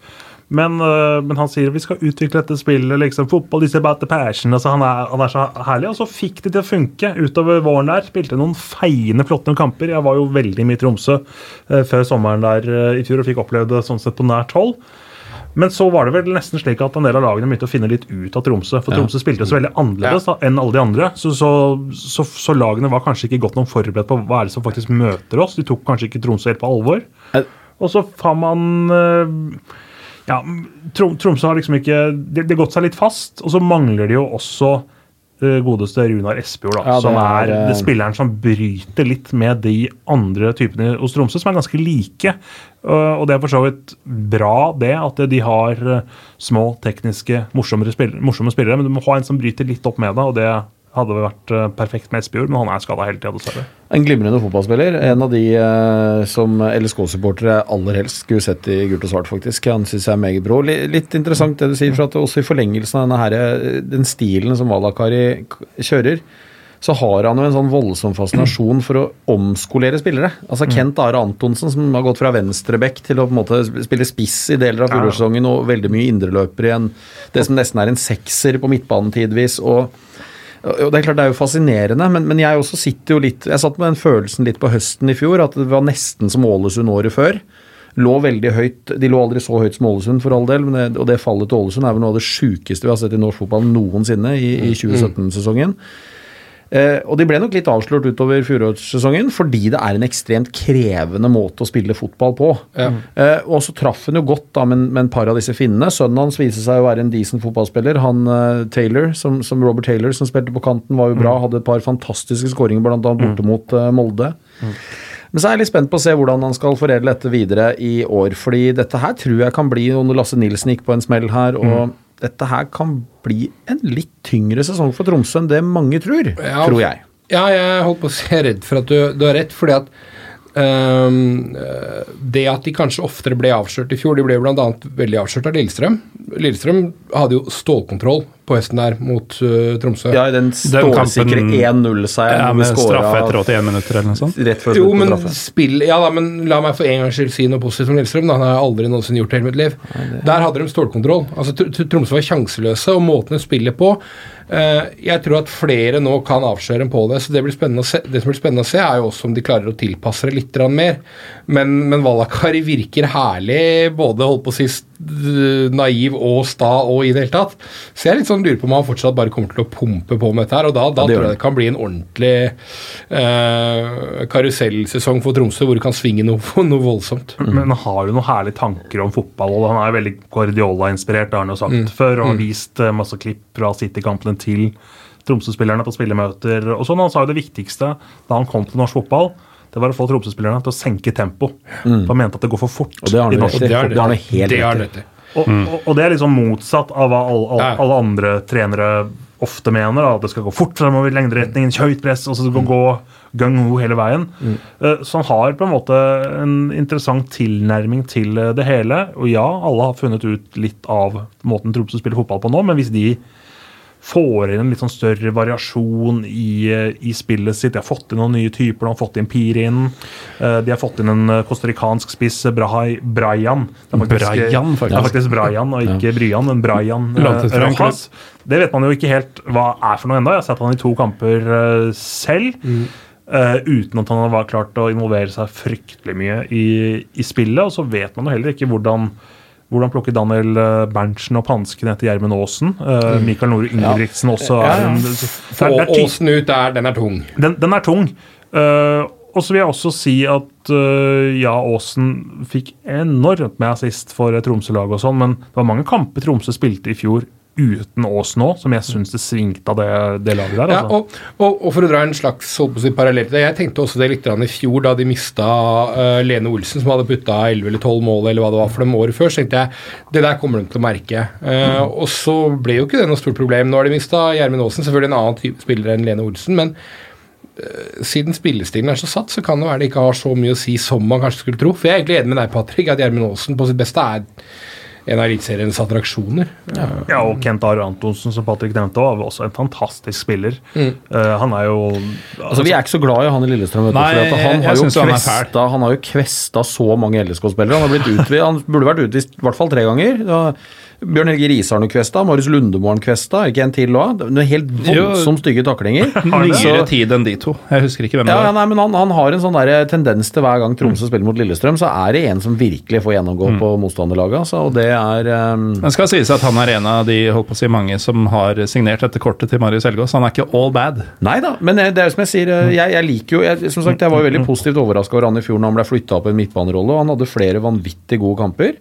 Fint venstrebein og, og hurtig og, og, og, mye positivt. Eh, Så jeg skal ikke holde det mot den altfor mye. Og så har de også faktisk eh, Noen ganger så Vi snakker ofte om hvilke gode spillere man har mista. Noen ganger så er det også en fordel å miste spillere som ikke var god nok. Tromsø har klart å kvitte seg med hvis, hvis den setningen hang på greip, eh, Tromsø har klart å kvitte seg nå med bl.a. han Slobodan Vuk, som er et av de dårligste kjøpa i norsk fotball de siste 10-12 åra. Altså Vi må kanskje tilbake til Pascal Simpson-tida og en del ting Vålerenga har røra med før, for å komme tilbake til dårligere kjøp enn en det Vuk har vært. Ygård. Ja, Ygor Start i 2007 eller hva Det det var. kosta ti mil eller noe. 10 millioner, og de måtte kjøpe Bruno Rato Silva, en fyr som ikke var god nok for norsk bedriftsliga, bare for at de skal ha en kamerat. Det er så bra. Men Vålerenga hadde jo også han der serberen, eller hva han var for noe. Han der som ble lansert med brask og bram. Milos. Milkovic. Milos Milkovic, ja, ja. var, mm, ja. Som ble utvist i første matchen tror jeg, og aldri sett igjen. Se, og det, nok et tips da til lytterne. Se Øystein Strais Betalen uttale seg om det kjøpet der. Det er et studie i eh, nydelig fotballovergang. Det en bare- spesialepisode. Men, men, men, men for var det nå to, ca. to sesonger siden, eller, så, så, så fikk de liksom en, nok en sånn pengegave av Trond Moen som de ofte får. De fikk fem-seks millioner som skulle øremerkes til å kjøpe spillere. Da kjøpte de bl.a. han eh, Medi Diori fra Senegal, se en senegaleser til jeg ikke husker navnet på, pluss da Slobodan Vuk fra Slovenia. Eh, alle de spillerne her har vært helt elendige, har kosta dem veldig mye penger og har egentlig bare vært sånn deadweight. Samme også med Christian Landu. Landu har jo egentlig ikke hatt noe å bidra med i Tromsø. Eh, og jeg tror, jeg, jeg tror det er en fordel for dem at, eh, at de nå har klart å kvitte seg med en del spillere som egentlig bare håper å si, tar opp negativ plass. da. Er han Mo tilbake der nå? Han har trent med dem, men eh, han ble, fikk ikke, ikke kontrakt. Ah, synd. Altså Mohammed Nei, ja, Amadou, han nei det ble ikke noe av. Mohammed. Ahmed, Men, ja. men, men, de han liker men de henta Ja. Anders Jensen fra Ja, ja, ja, ja, men han, han eh, Mo, han liker. Mm. Det er en fin fyr. Ja, han var med på trening, som, som Petter sier, men synd. det ble ikke noe av. Det var synd. For å runde av Tromsø, Trym. eh, Du som er eh, vår, eh, vår mann på finsk fotball. Hva slags finne er Robert Taylor? Skredder. Og da slapp du å svare, så vi drar videre til eh, Stavanger. Men skulle vi komme med noe Skulle du ha noen tabelltips på Tromsø, eller? Hva du dem? Plasserte du dem sjøl? Nei, det har jeg faktisk ikke gjort. Nei. Så um, ja, uh, sjiktet på du, du kan ta det første, Patrick, som brakte det på bane. Sjiktet på Tromsø. Nå må du si noe, Patrick. Ja, det, det det det, så tolv- det er, det er for mange lag i den. Eh, Ellevteplass. Nøyaktig. Ja, rundt der. Tiende, ellevte, tolvte. Ja, så, uh, Du holdt opp åtte fingre som om du var en Van Buren-boy, Tre Trym Magner. Nei, femte til åttende. Men jeg, du, du sier ellevteplass. Jeg skjønner ikke hvorfor Tromsø Ja, Gjermund Aasen har dratt, men skal de være dårligere i 2019 enn de var i 2018? Ja, det tror jeg. Ja. Jeg tror, det. jeg tror de tar med seg litt av den høsten der, og jeg ser ikke at de på en måte har forsterka. Runar Espejord er, er skada, han hadde vært viktig for dem. De har heller ikke Mushaga Bakenga, og så spørs det på noe Det er for mye usikkerhet, og, Ja. det er, og hvem skal spille stopper nå? Uh, Magnar Rødegård, ikke, ikke verdens beste fotballspiller, da, men han, han har en veldig fin høyrefot og passa sånn sett godt inn i det laget der. Men Ja, fikk, fikk jo beholdt. Vangberg, da. Ja. Som De var Vangberg, det gjorde de. eh, viktig for dem. Eh, Jeg er nok litt enig med Patrick eh, der at jeg er litt redd for at de ikke har kommet seg helt ut av den negative spiralen, selv om de har hatt noen gode kamper nå i vinter mot litt blanda drops av utenlandsk motstand. Men jeg ser vel også sånn på det som Jeg, ganske tror, jeg realistisk tror at jeg, jeg lurer på om han er Artem Sokol, han russeren, skal spille stopper sammen med Wangberg. at- at- Jeg tror han er stopper. Leid inn fra Arsenal Tula. At de er på er- rundt en 12.-13.-plass, tror jeg også mm, fort kan skje. De er i nedrykksstriden, med andre ord. Ja, det, Ja, det blir jo det, da. Jeg, jeg, jeg sliter med å se, sende argumenter for at de ikke skal være det nå. Altså. Og det gjelder da også i høyeste grad Viking, som er nest siste lag vi skal gjennom. Ja. Vi har jo ymta frampå i uh, halvannen episode om at uh, dette er uh, dritt. Hva tenker du, Petter? Jeg tenker ikke at det er dritt. Jeg tenker, at, først og fremst, Det vil ikke Petter jeg, jeg tenker først og fremst at det er veldig hyggelig at vi har fått Viking tilbake. Ja, der er vi enige. Eh, For eh, de som husker bildene fra siste serierunde i fjor med banestorming, 16 000-17 000 på tribunen, og endelig så var det et liv i Stavanger um, igjen. Og det håper jeg at man tar med seg nå til første kamp mot Kristiansund, og at det blir litt liv i Stavanger igjen. For det er jo på en måte en, en veldig sovende fotballby. da. Altså, Ja. det, de har sovet her i mange år nå.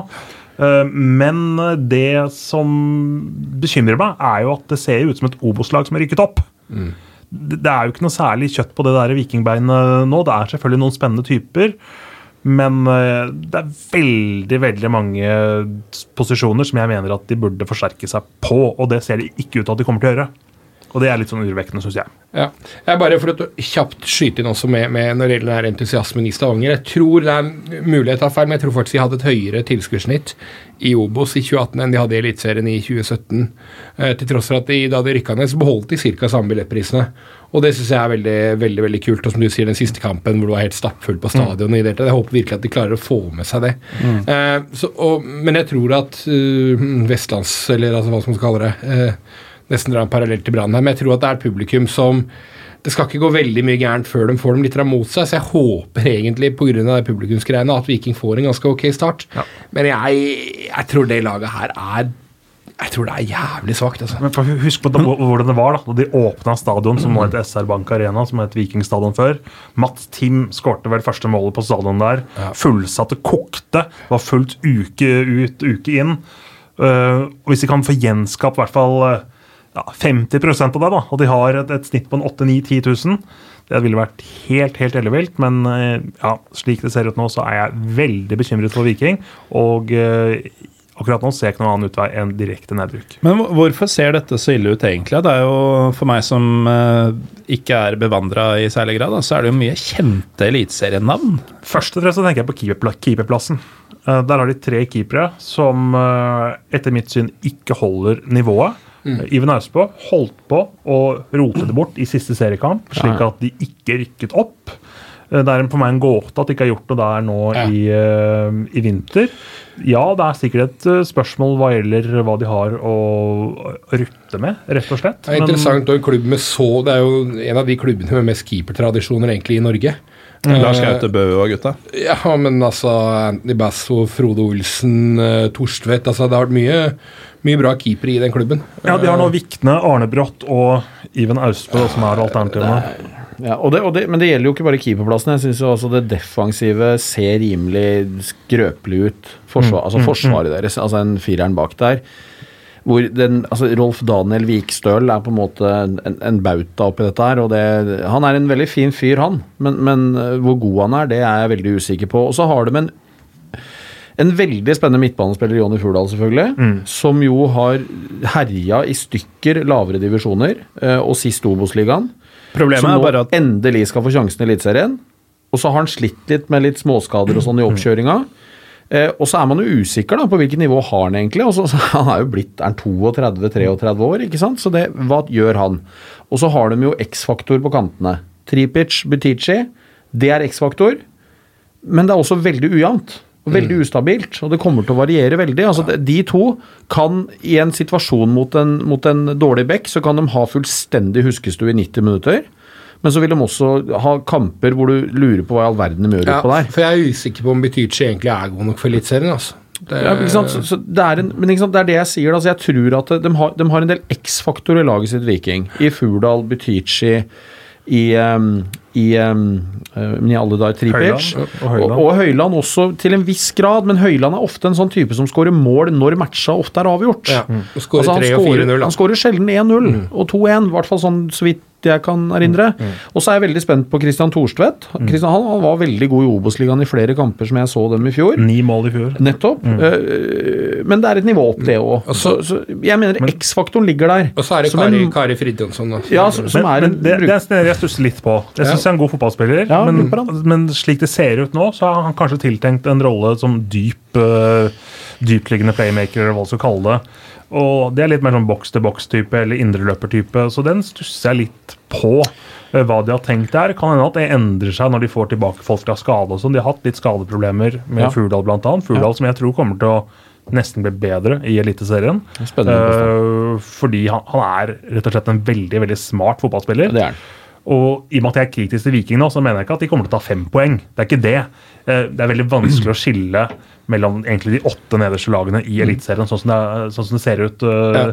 ser ut nå. Så hvis de får en kanongod keeper, får kanskje en litt mer rutinert stopper eh, og en midtbanespiller, så er ganske mye gjort for, for, for Viking med en god start, med publikum i ryggen. Men, eh, men, men jeg føler at det må skje litt ting. Og jeg er liksom bekymra for at de virker sånn tålelig tilfredse. Ja. Men litt av utfordringen her, eller litt, en stor del av utfordringen her er jo også å ha vært de siste årene, er jo økonomien ja. er jo egentlig liksom helt Den er jo fortsatt ikke på stell. Ja, Det virker jo som det er Mod som redder økonomien hver sommer.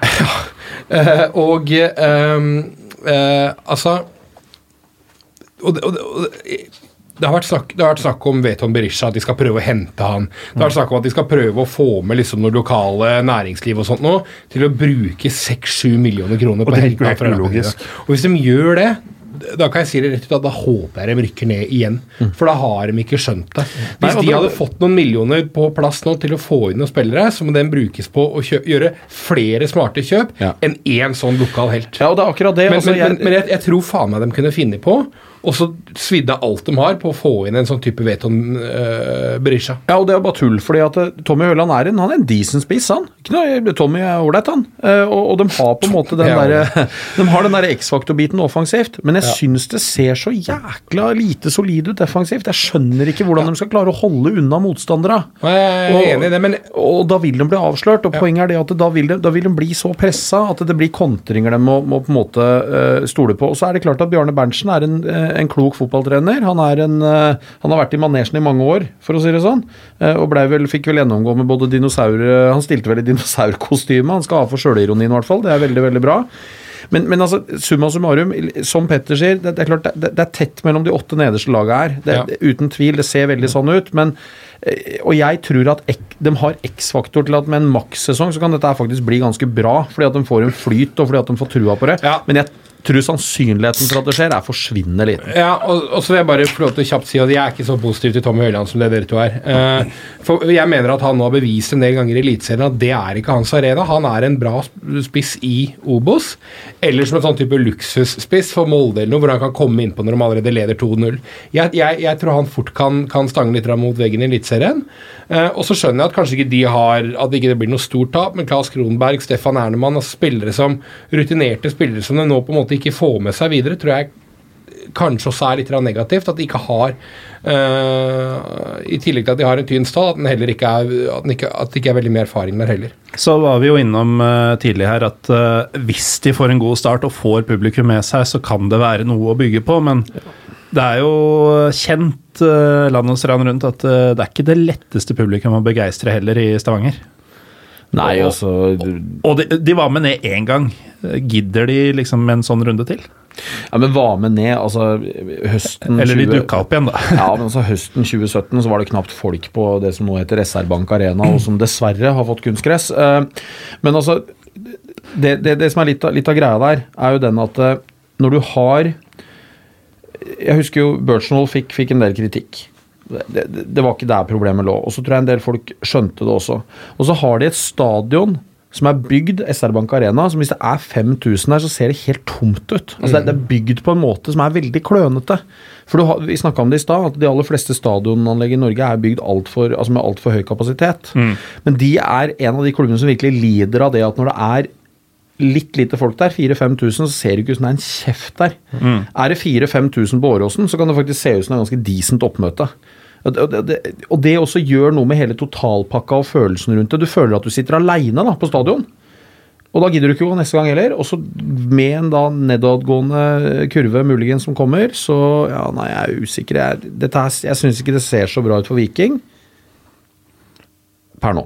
Nei, de, altså de vant jo Obos-ligaen i fjor, og så slapp de inn 44 mål. Det var kun åtte lag som slapp inn flere mål. Og det blir, det blir 65 i Eliteserien, ikke sant? De Ja. kommer til å slippe inn mer enn to mål i snitt, antageligvis. Mm. Det, det går ikke. Da holder du ikke plassen. Nei. Nei, så Viking rykker ned, det. Nei, jeg tror det. Per nå så ser det vanskelig ut. Ja. Den er 15 til 16. Jeg tror ikke de klarer kvalik heller. Nei, jeg, igjen, per nå. Altså, jeg, jeg ville hatt dem på 16. Hvis, hvis jeg måtte gjette i dag, så hadde jeg sagt 16. Men det er et lag for å si det igjen, Men jeg håper jeg tar feil, bare så det er gjerne vil ha Ja, Eliteserien. ja, ja, del, jeg håper jeg tar det, er, det er veldig mye jeg liker med Viking, Absolutt. bortsett fra kunstgresset. Det er jeg veldig veldig skuffet over. For Sist jeg var på den stadion der, så hadde de Norges flotteste gressmatte. Ja, Så det er synd da at konserter er viktigere enn toppfotballen. selv om stadion er for stor for, eh, for det publikummet de kan ønske seg, da, så er det jo faktisk eh, Altså, da det het Viking stadion, det var bortimot fullt, og det var gress, antagelig beste stadion i Norge. Ja.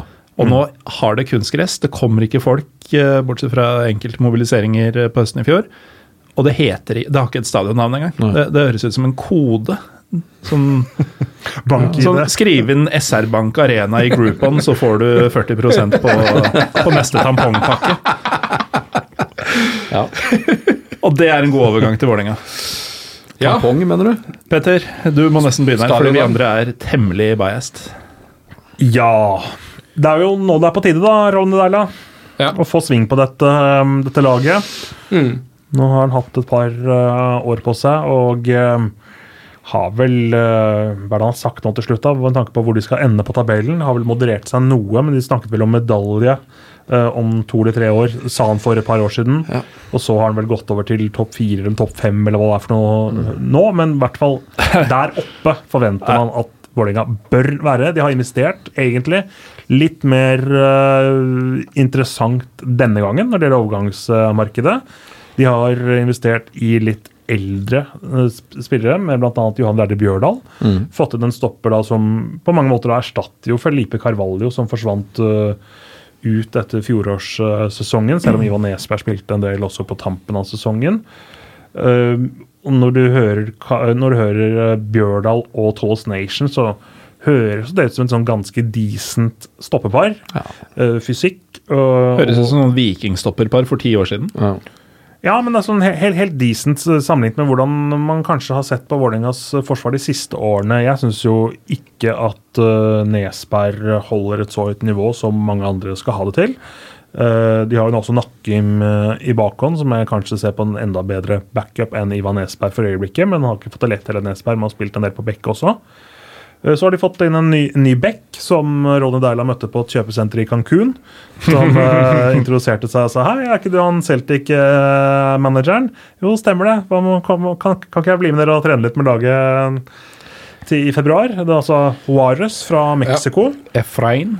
Har sett eh, decent ut så langt. Har, trenger Har litt tid. han å bråte med landskamper? Altså, altså, Ja, han har bare et par 40 landskamper for Mexico, så det, Ja. det er et kvalitetstegn, det. det er et kvalitetstegn. Og eh, man det er en spiller vi bør ha litt for, lov til å ha litt forventninger til. Mm. Uh, Aminori klarte seg egentlig ganske bra for Vålerenga i fjor. Uh, ble litt overrasket. Nei. Jo, men sånn totalt sett. Ja, men han hadde noen enkeltkamper som var blant de laveste i, altså, som var blant de dårligste i Eliteserien. Altså. Når han var på sitt dårligste i fjor, Jo, så var han dårlig. Borte mot Stabæk. jo, jo. Borte. Stabæk. Det var Ja, sjokking. det er- Jo da, men man ble overrasket over at han forsvant fra ja, uh, ja, Vålerenga her ja, nå. jo, jo. Med tanke på hva han sa da han kom til Vålerenga. Nå er jeg hjemme i Oslo Ja, og alt det der. Men Eh, så folk ble nok litt sånn satt nok kaffen litt i halsen da, da han plutselig forsvant på lån. Ja. Men når man får inn Juarez, så ser det jo veldig lovende ut Ja, for uh, Vålerengas del. Og så er det da disse fire offensive bak spissen. Det er, litt, det er jo tre, men eh, de, har jo egentlig fire alternativer der som også ser eh, interessant ut. Så jeg er litt sånn spent på hvordan han skal uh, bruke disse her. da. Det er vel kanskje Herolin Sjala som umiddelbart ser ut som den sterkeste signeringen der. En spiller som kan bidra med masse målpoeng, har fine ferdigheter. Vil jo ikke fortsette i start, det forstår man jo med tanke på hans kvaliteter. Så, så, så der ser det ut som han har gjort en god signering allerede, i Sjala. Men, men det er typ den 17. klubben han nå spiller på eh, for på halvannet år. altså. Han har, han har bytta så mye klubb, han har ikke blitt værende ett eneste sted. Jeg begynner å lure på hva er årsaken til Jo, det. men er sterk, Når på, er- sterk på sign-on-fee. Han ville jo bare ha en kort kontrakt i start. Ja. Eh, og eh, Sterk på sign-on-fee. Jo, men man kan jo altså Det er en ærlig sak, det. Han har sikkert tjent sine penger eh, sånn sett, så får vi se hvor lenge han blir i uh, Vålerenga. Men, Men, men, men, men, det, men, det, det, når vi først er inne på det her med penger Det der syns jeg er en veldig interessant greie i Vålerenga. Fordi at de, de går 30 millioner i, i rødt på budsjettet, eller, eller ikke på budsjettet, men de går 30 millioner i minus på 2018. Og det, det snakkes liksom om at man, man begynner å skippe ut et par av disse spillerne, og så, og så begynner man plutselig rett etterpå å hente spillere inn. Sånn som Juarez, da, som kommer fra Mexico og har 40 landskamper der sånn. Altså, jeg vil tro at han helt relativt enkelt kunne fått en kontrakt da i hjemlandet sitt, som enhver spiller med 40 landskamper for hjemlandet sitt vil kunne. Eller i MLS? Eh, nei, for han har ikke vært så bra i Vancouver Whitecaps. Jeg, jeg, jeg tror han ville slitt litt med det. Uh, men, men, men altså, Liga MX har en høyere Snittlønna i Liga MX er høyere enn f.eks. I, i Kina, i, i æresdivisjon, uh, i, i, i massevis av store ligaer. Så han, jeg nekter å tro at han har kommet billig, altså. Og jeg veit også at Mathias Williamson måtte de strekke seg langt for å, for å få til en, en, en totalpakke. Og det, det for en spiller som starter én kamp, tror jeg det er, i Eliteserien i fjor. Enig. mm, men det var grunn skade i hovedsak. Da. Han var jo fantastisk i 2017. Han er en god fotballspiller, men han har ofte vært skada. Ja Ja. ha- Har han det, bortsett fra langtidsskaden? Jeg, Jeg veit ikke, men, men uansett, for Ja. en klubb som har gått 30 millioner i minus, så syns jeg det virker rart å bruke flere millioner på en spiller som er 32, Og i hvert fall nylig har, øh, om han ikke alltid har vært Så- mye skada, så, så- så- har han vært skada i høy alder. Nettopp. Så det jeg prøver å belyse, er egentlig at jeg, syn, jeg syns det er en veldig rar sånn balanse mellom pengebruken og øh, nærmest disse innsparingene vi gjør. Eh, Ronny Deila kom med, med en kommentar her, og jeg lurer på om, om fyren har det bra med seg sjøl. Han kom med en kommentar der han sier at, uh, at Arnold Smarason valgte Lillestrøm for penga. Altså, Det er som at Las Palmas skulle sagt at en spiller gikk til Brann fordi at været var mye bedre i Bergen. Altså, Det er spinnvill ting å si. Uh, så jeg, jeg, jeg, lurer- jeg, skjønner ikke helt liksom, hva, er det, hva er det egentlig som foregår der? Men det, det, det, var vel en, eh, et PR-tap å, å miste Smarason da de så åpenbart var rette her, når han heller går Eller blir værende, da. Ja. I, I Lillestrøm, så han måtte jo si et eller annet, men du, du, du Men- kan jo finne på noe mer troverdig enn at været er bedre i Bergen enn på Las Palmas. Ja, men, men, men David Vega er jo, er jo også en spiller som har en høy lønning, helt åpenbart. Eh, så, og jeg Er tror, det jeg, sikkert?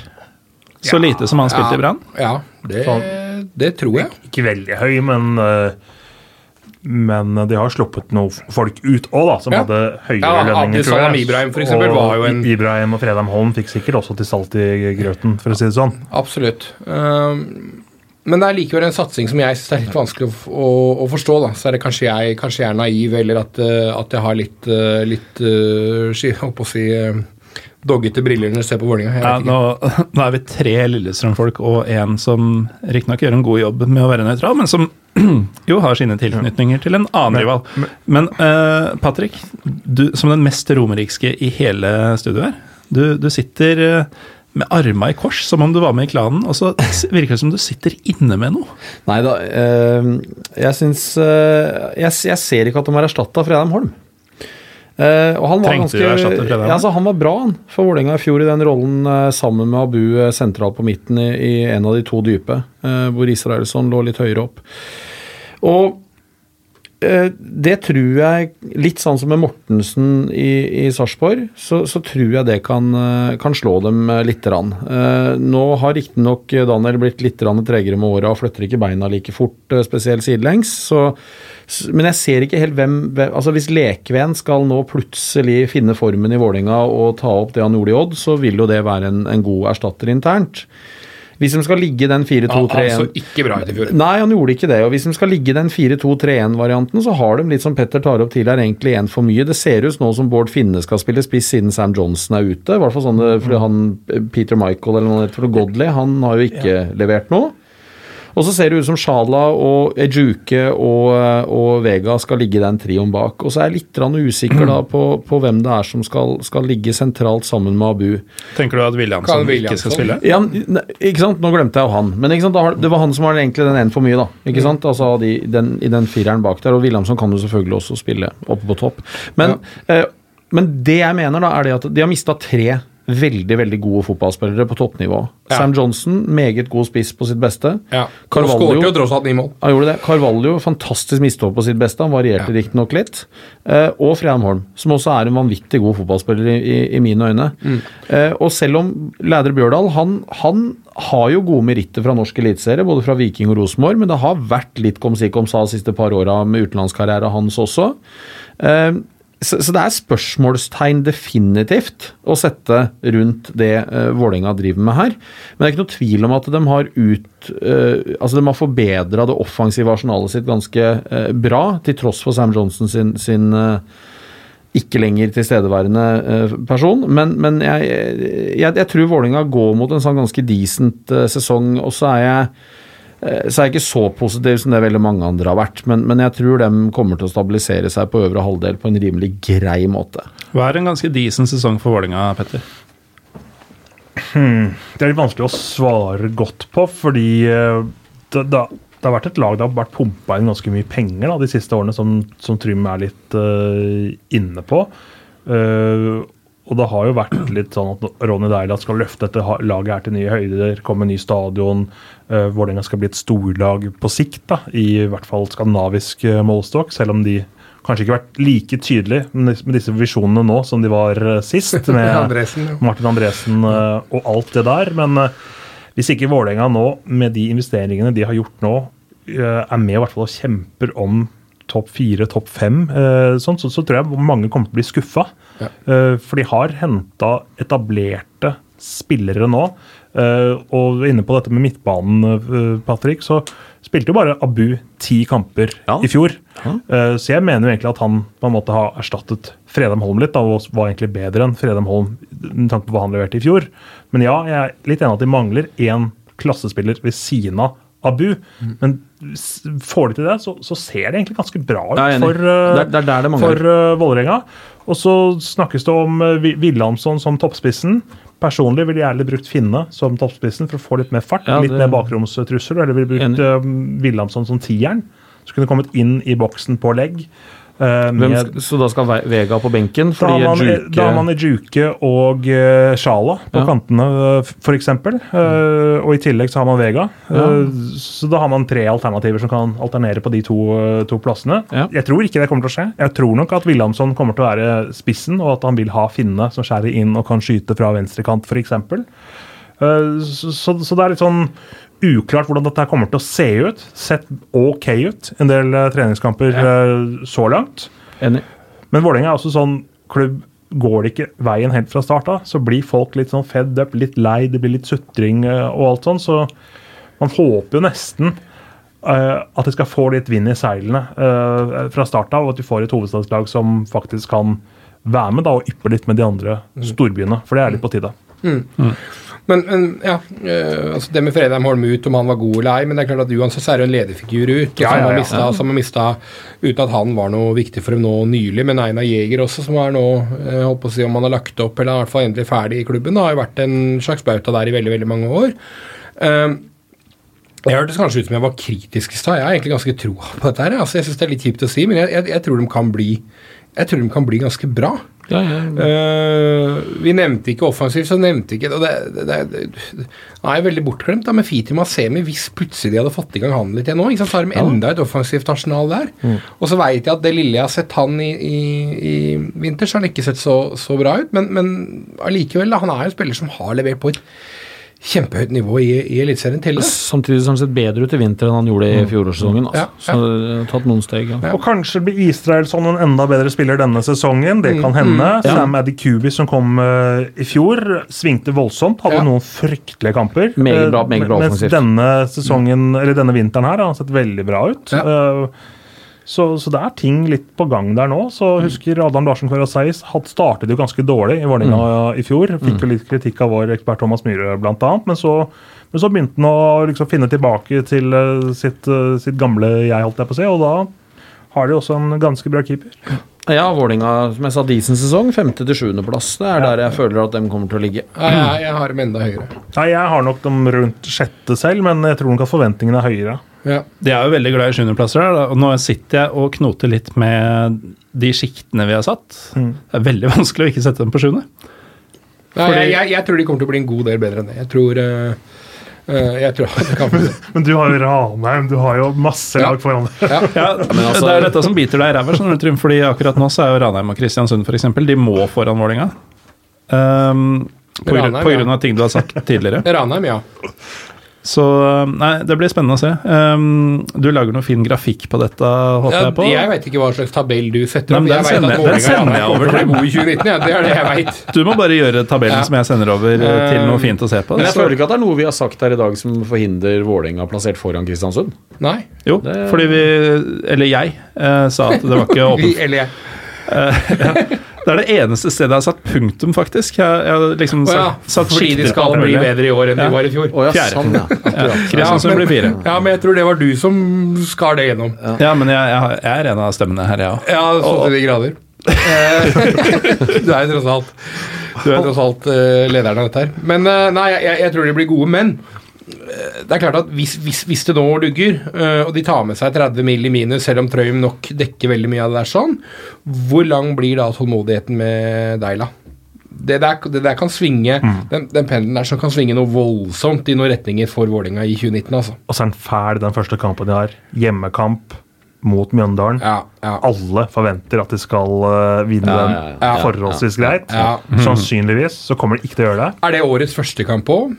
Eh, Det er sekskampen den lørdagen, mens eh, første kampen er Odd Brann Ja, så det er 15.30. nest første kampen, da, så liksom hele Ja.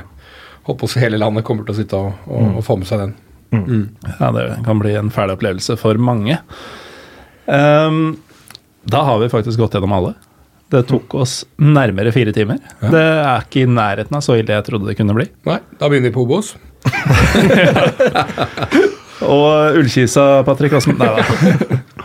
Fått en Trond Andersen Nei, ikke Trond Trond Andersen, men Trond Fredriksen, da. Skal vi, nei, da. Ja, vi kan godt ta litt om Nei, Nei, vi kan faktisk ikke det. Uh, jeg skal på jobb i morgen. Ja, Uh, kanskje dere også. Det- jeg vet ikke hva det dere skal driver jeg i med. alt aller jeg høyeste grad. Um, takk, uh, Trym Hogner. Takk selv. Takk, Patrick Ween. Takk, takk. Takk, Petter Bø Tosterud, Takk selv. for uh, deres bidrag til dette litt uortodokse, men likevel forholdsvis uh, faglig begrunna, tidvis i hvert fall. eh, ikke tabelltipset foreløpig, men denne gjennomgangen av eh, Eliteserien eh, 2019. Det som er helt åpenbart, er at det blir mye å diskutere i år. Og eh, verdt å få med seg eh, mange spark på ballen. Det er vel ikke én klubb vi ikke har sagt har noe spennende ved seg.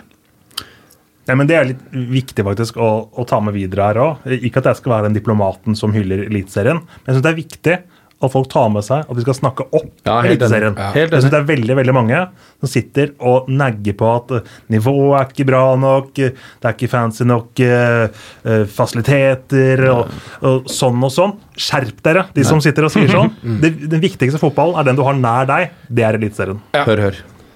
Ja, og det er ikke arbeidsgiveren som snakker. Dette var Nei. et flammende innlegg fra Petter Bøe Tosterud.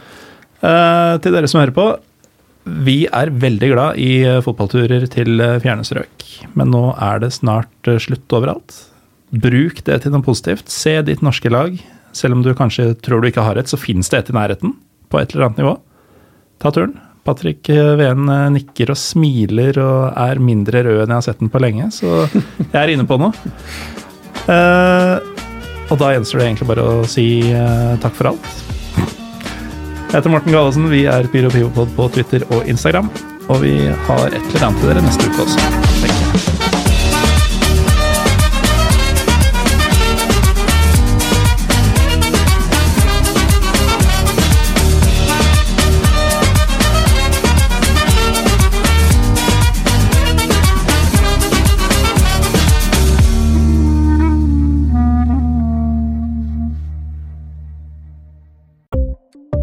Ukens annonsør er HelloFresh. HelloFresh er verdens ledende matkasseleverandør og kan være redningen i en travel hverdag. Mange av oss har nok vandret i butikken både sultne og uten en plan for middagen, som ender med at vi går for de samme kjedelige rettene gang på gang. Middag burde være dagens høydepunkt. Som HelloFresh kan du nå velge mellom 25 ulike retter hver eneste uke, eller få HelloFresh til å sette sammen menyen for deg. Dette gir deg muligheten til å prøve nye og spennende retter alene eller sammen med familien. Du velger antall porsjoner og får alt levert på døren på et tidspunkt som passer for deg. Oppskriftene er enkle, og maten er lett å lage både for store og for små. Ved å få alt levert hjem får du også mer tid til å dele matgleden med familie og venner. Kanskje det frister med asiatiske tacos eller greskinspirert kylling? Da kan jeg anbefale deg om å gå inn på hellofresh.no. Her kan du bruke koden FOTBALL og få opptil 1779 kroner i rabatt på de første fem matkastene hvis du ikke har prøvd HelloFresh tidligere. Du kan også bruke rabatten hvis du har vært kunde og stoppet abonnementet ditt for tolv måneder siden eller lengre. Gå inn på hellofresh.no og bruk koden FOTBALL. Har du et enkeltpersonforetak eller en liten bedrift? Da er du sikkert lei av å høre meg snakke om hvor enkelt det er med kvitteringer og bilag i fiken, så vi eh, gir oss her, vi. Fordi vi liker enkelt. Fiken superenkelt regnskap.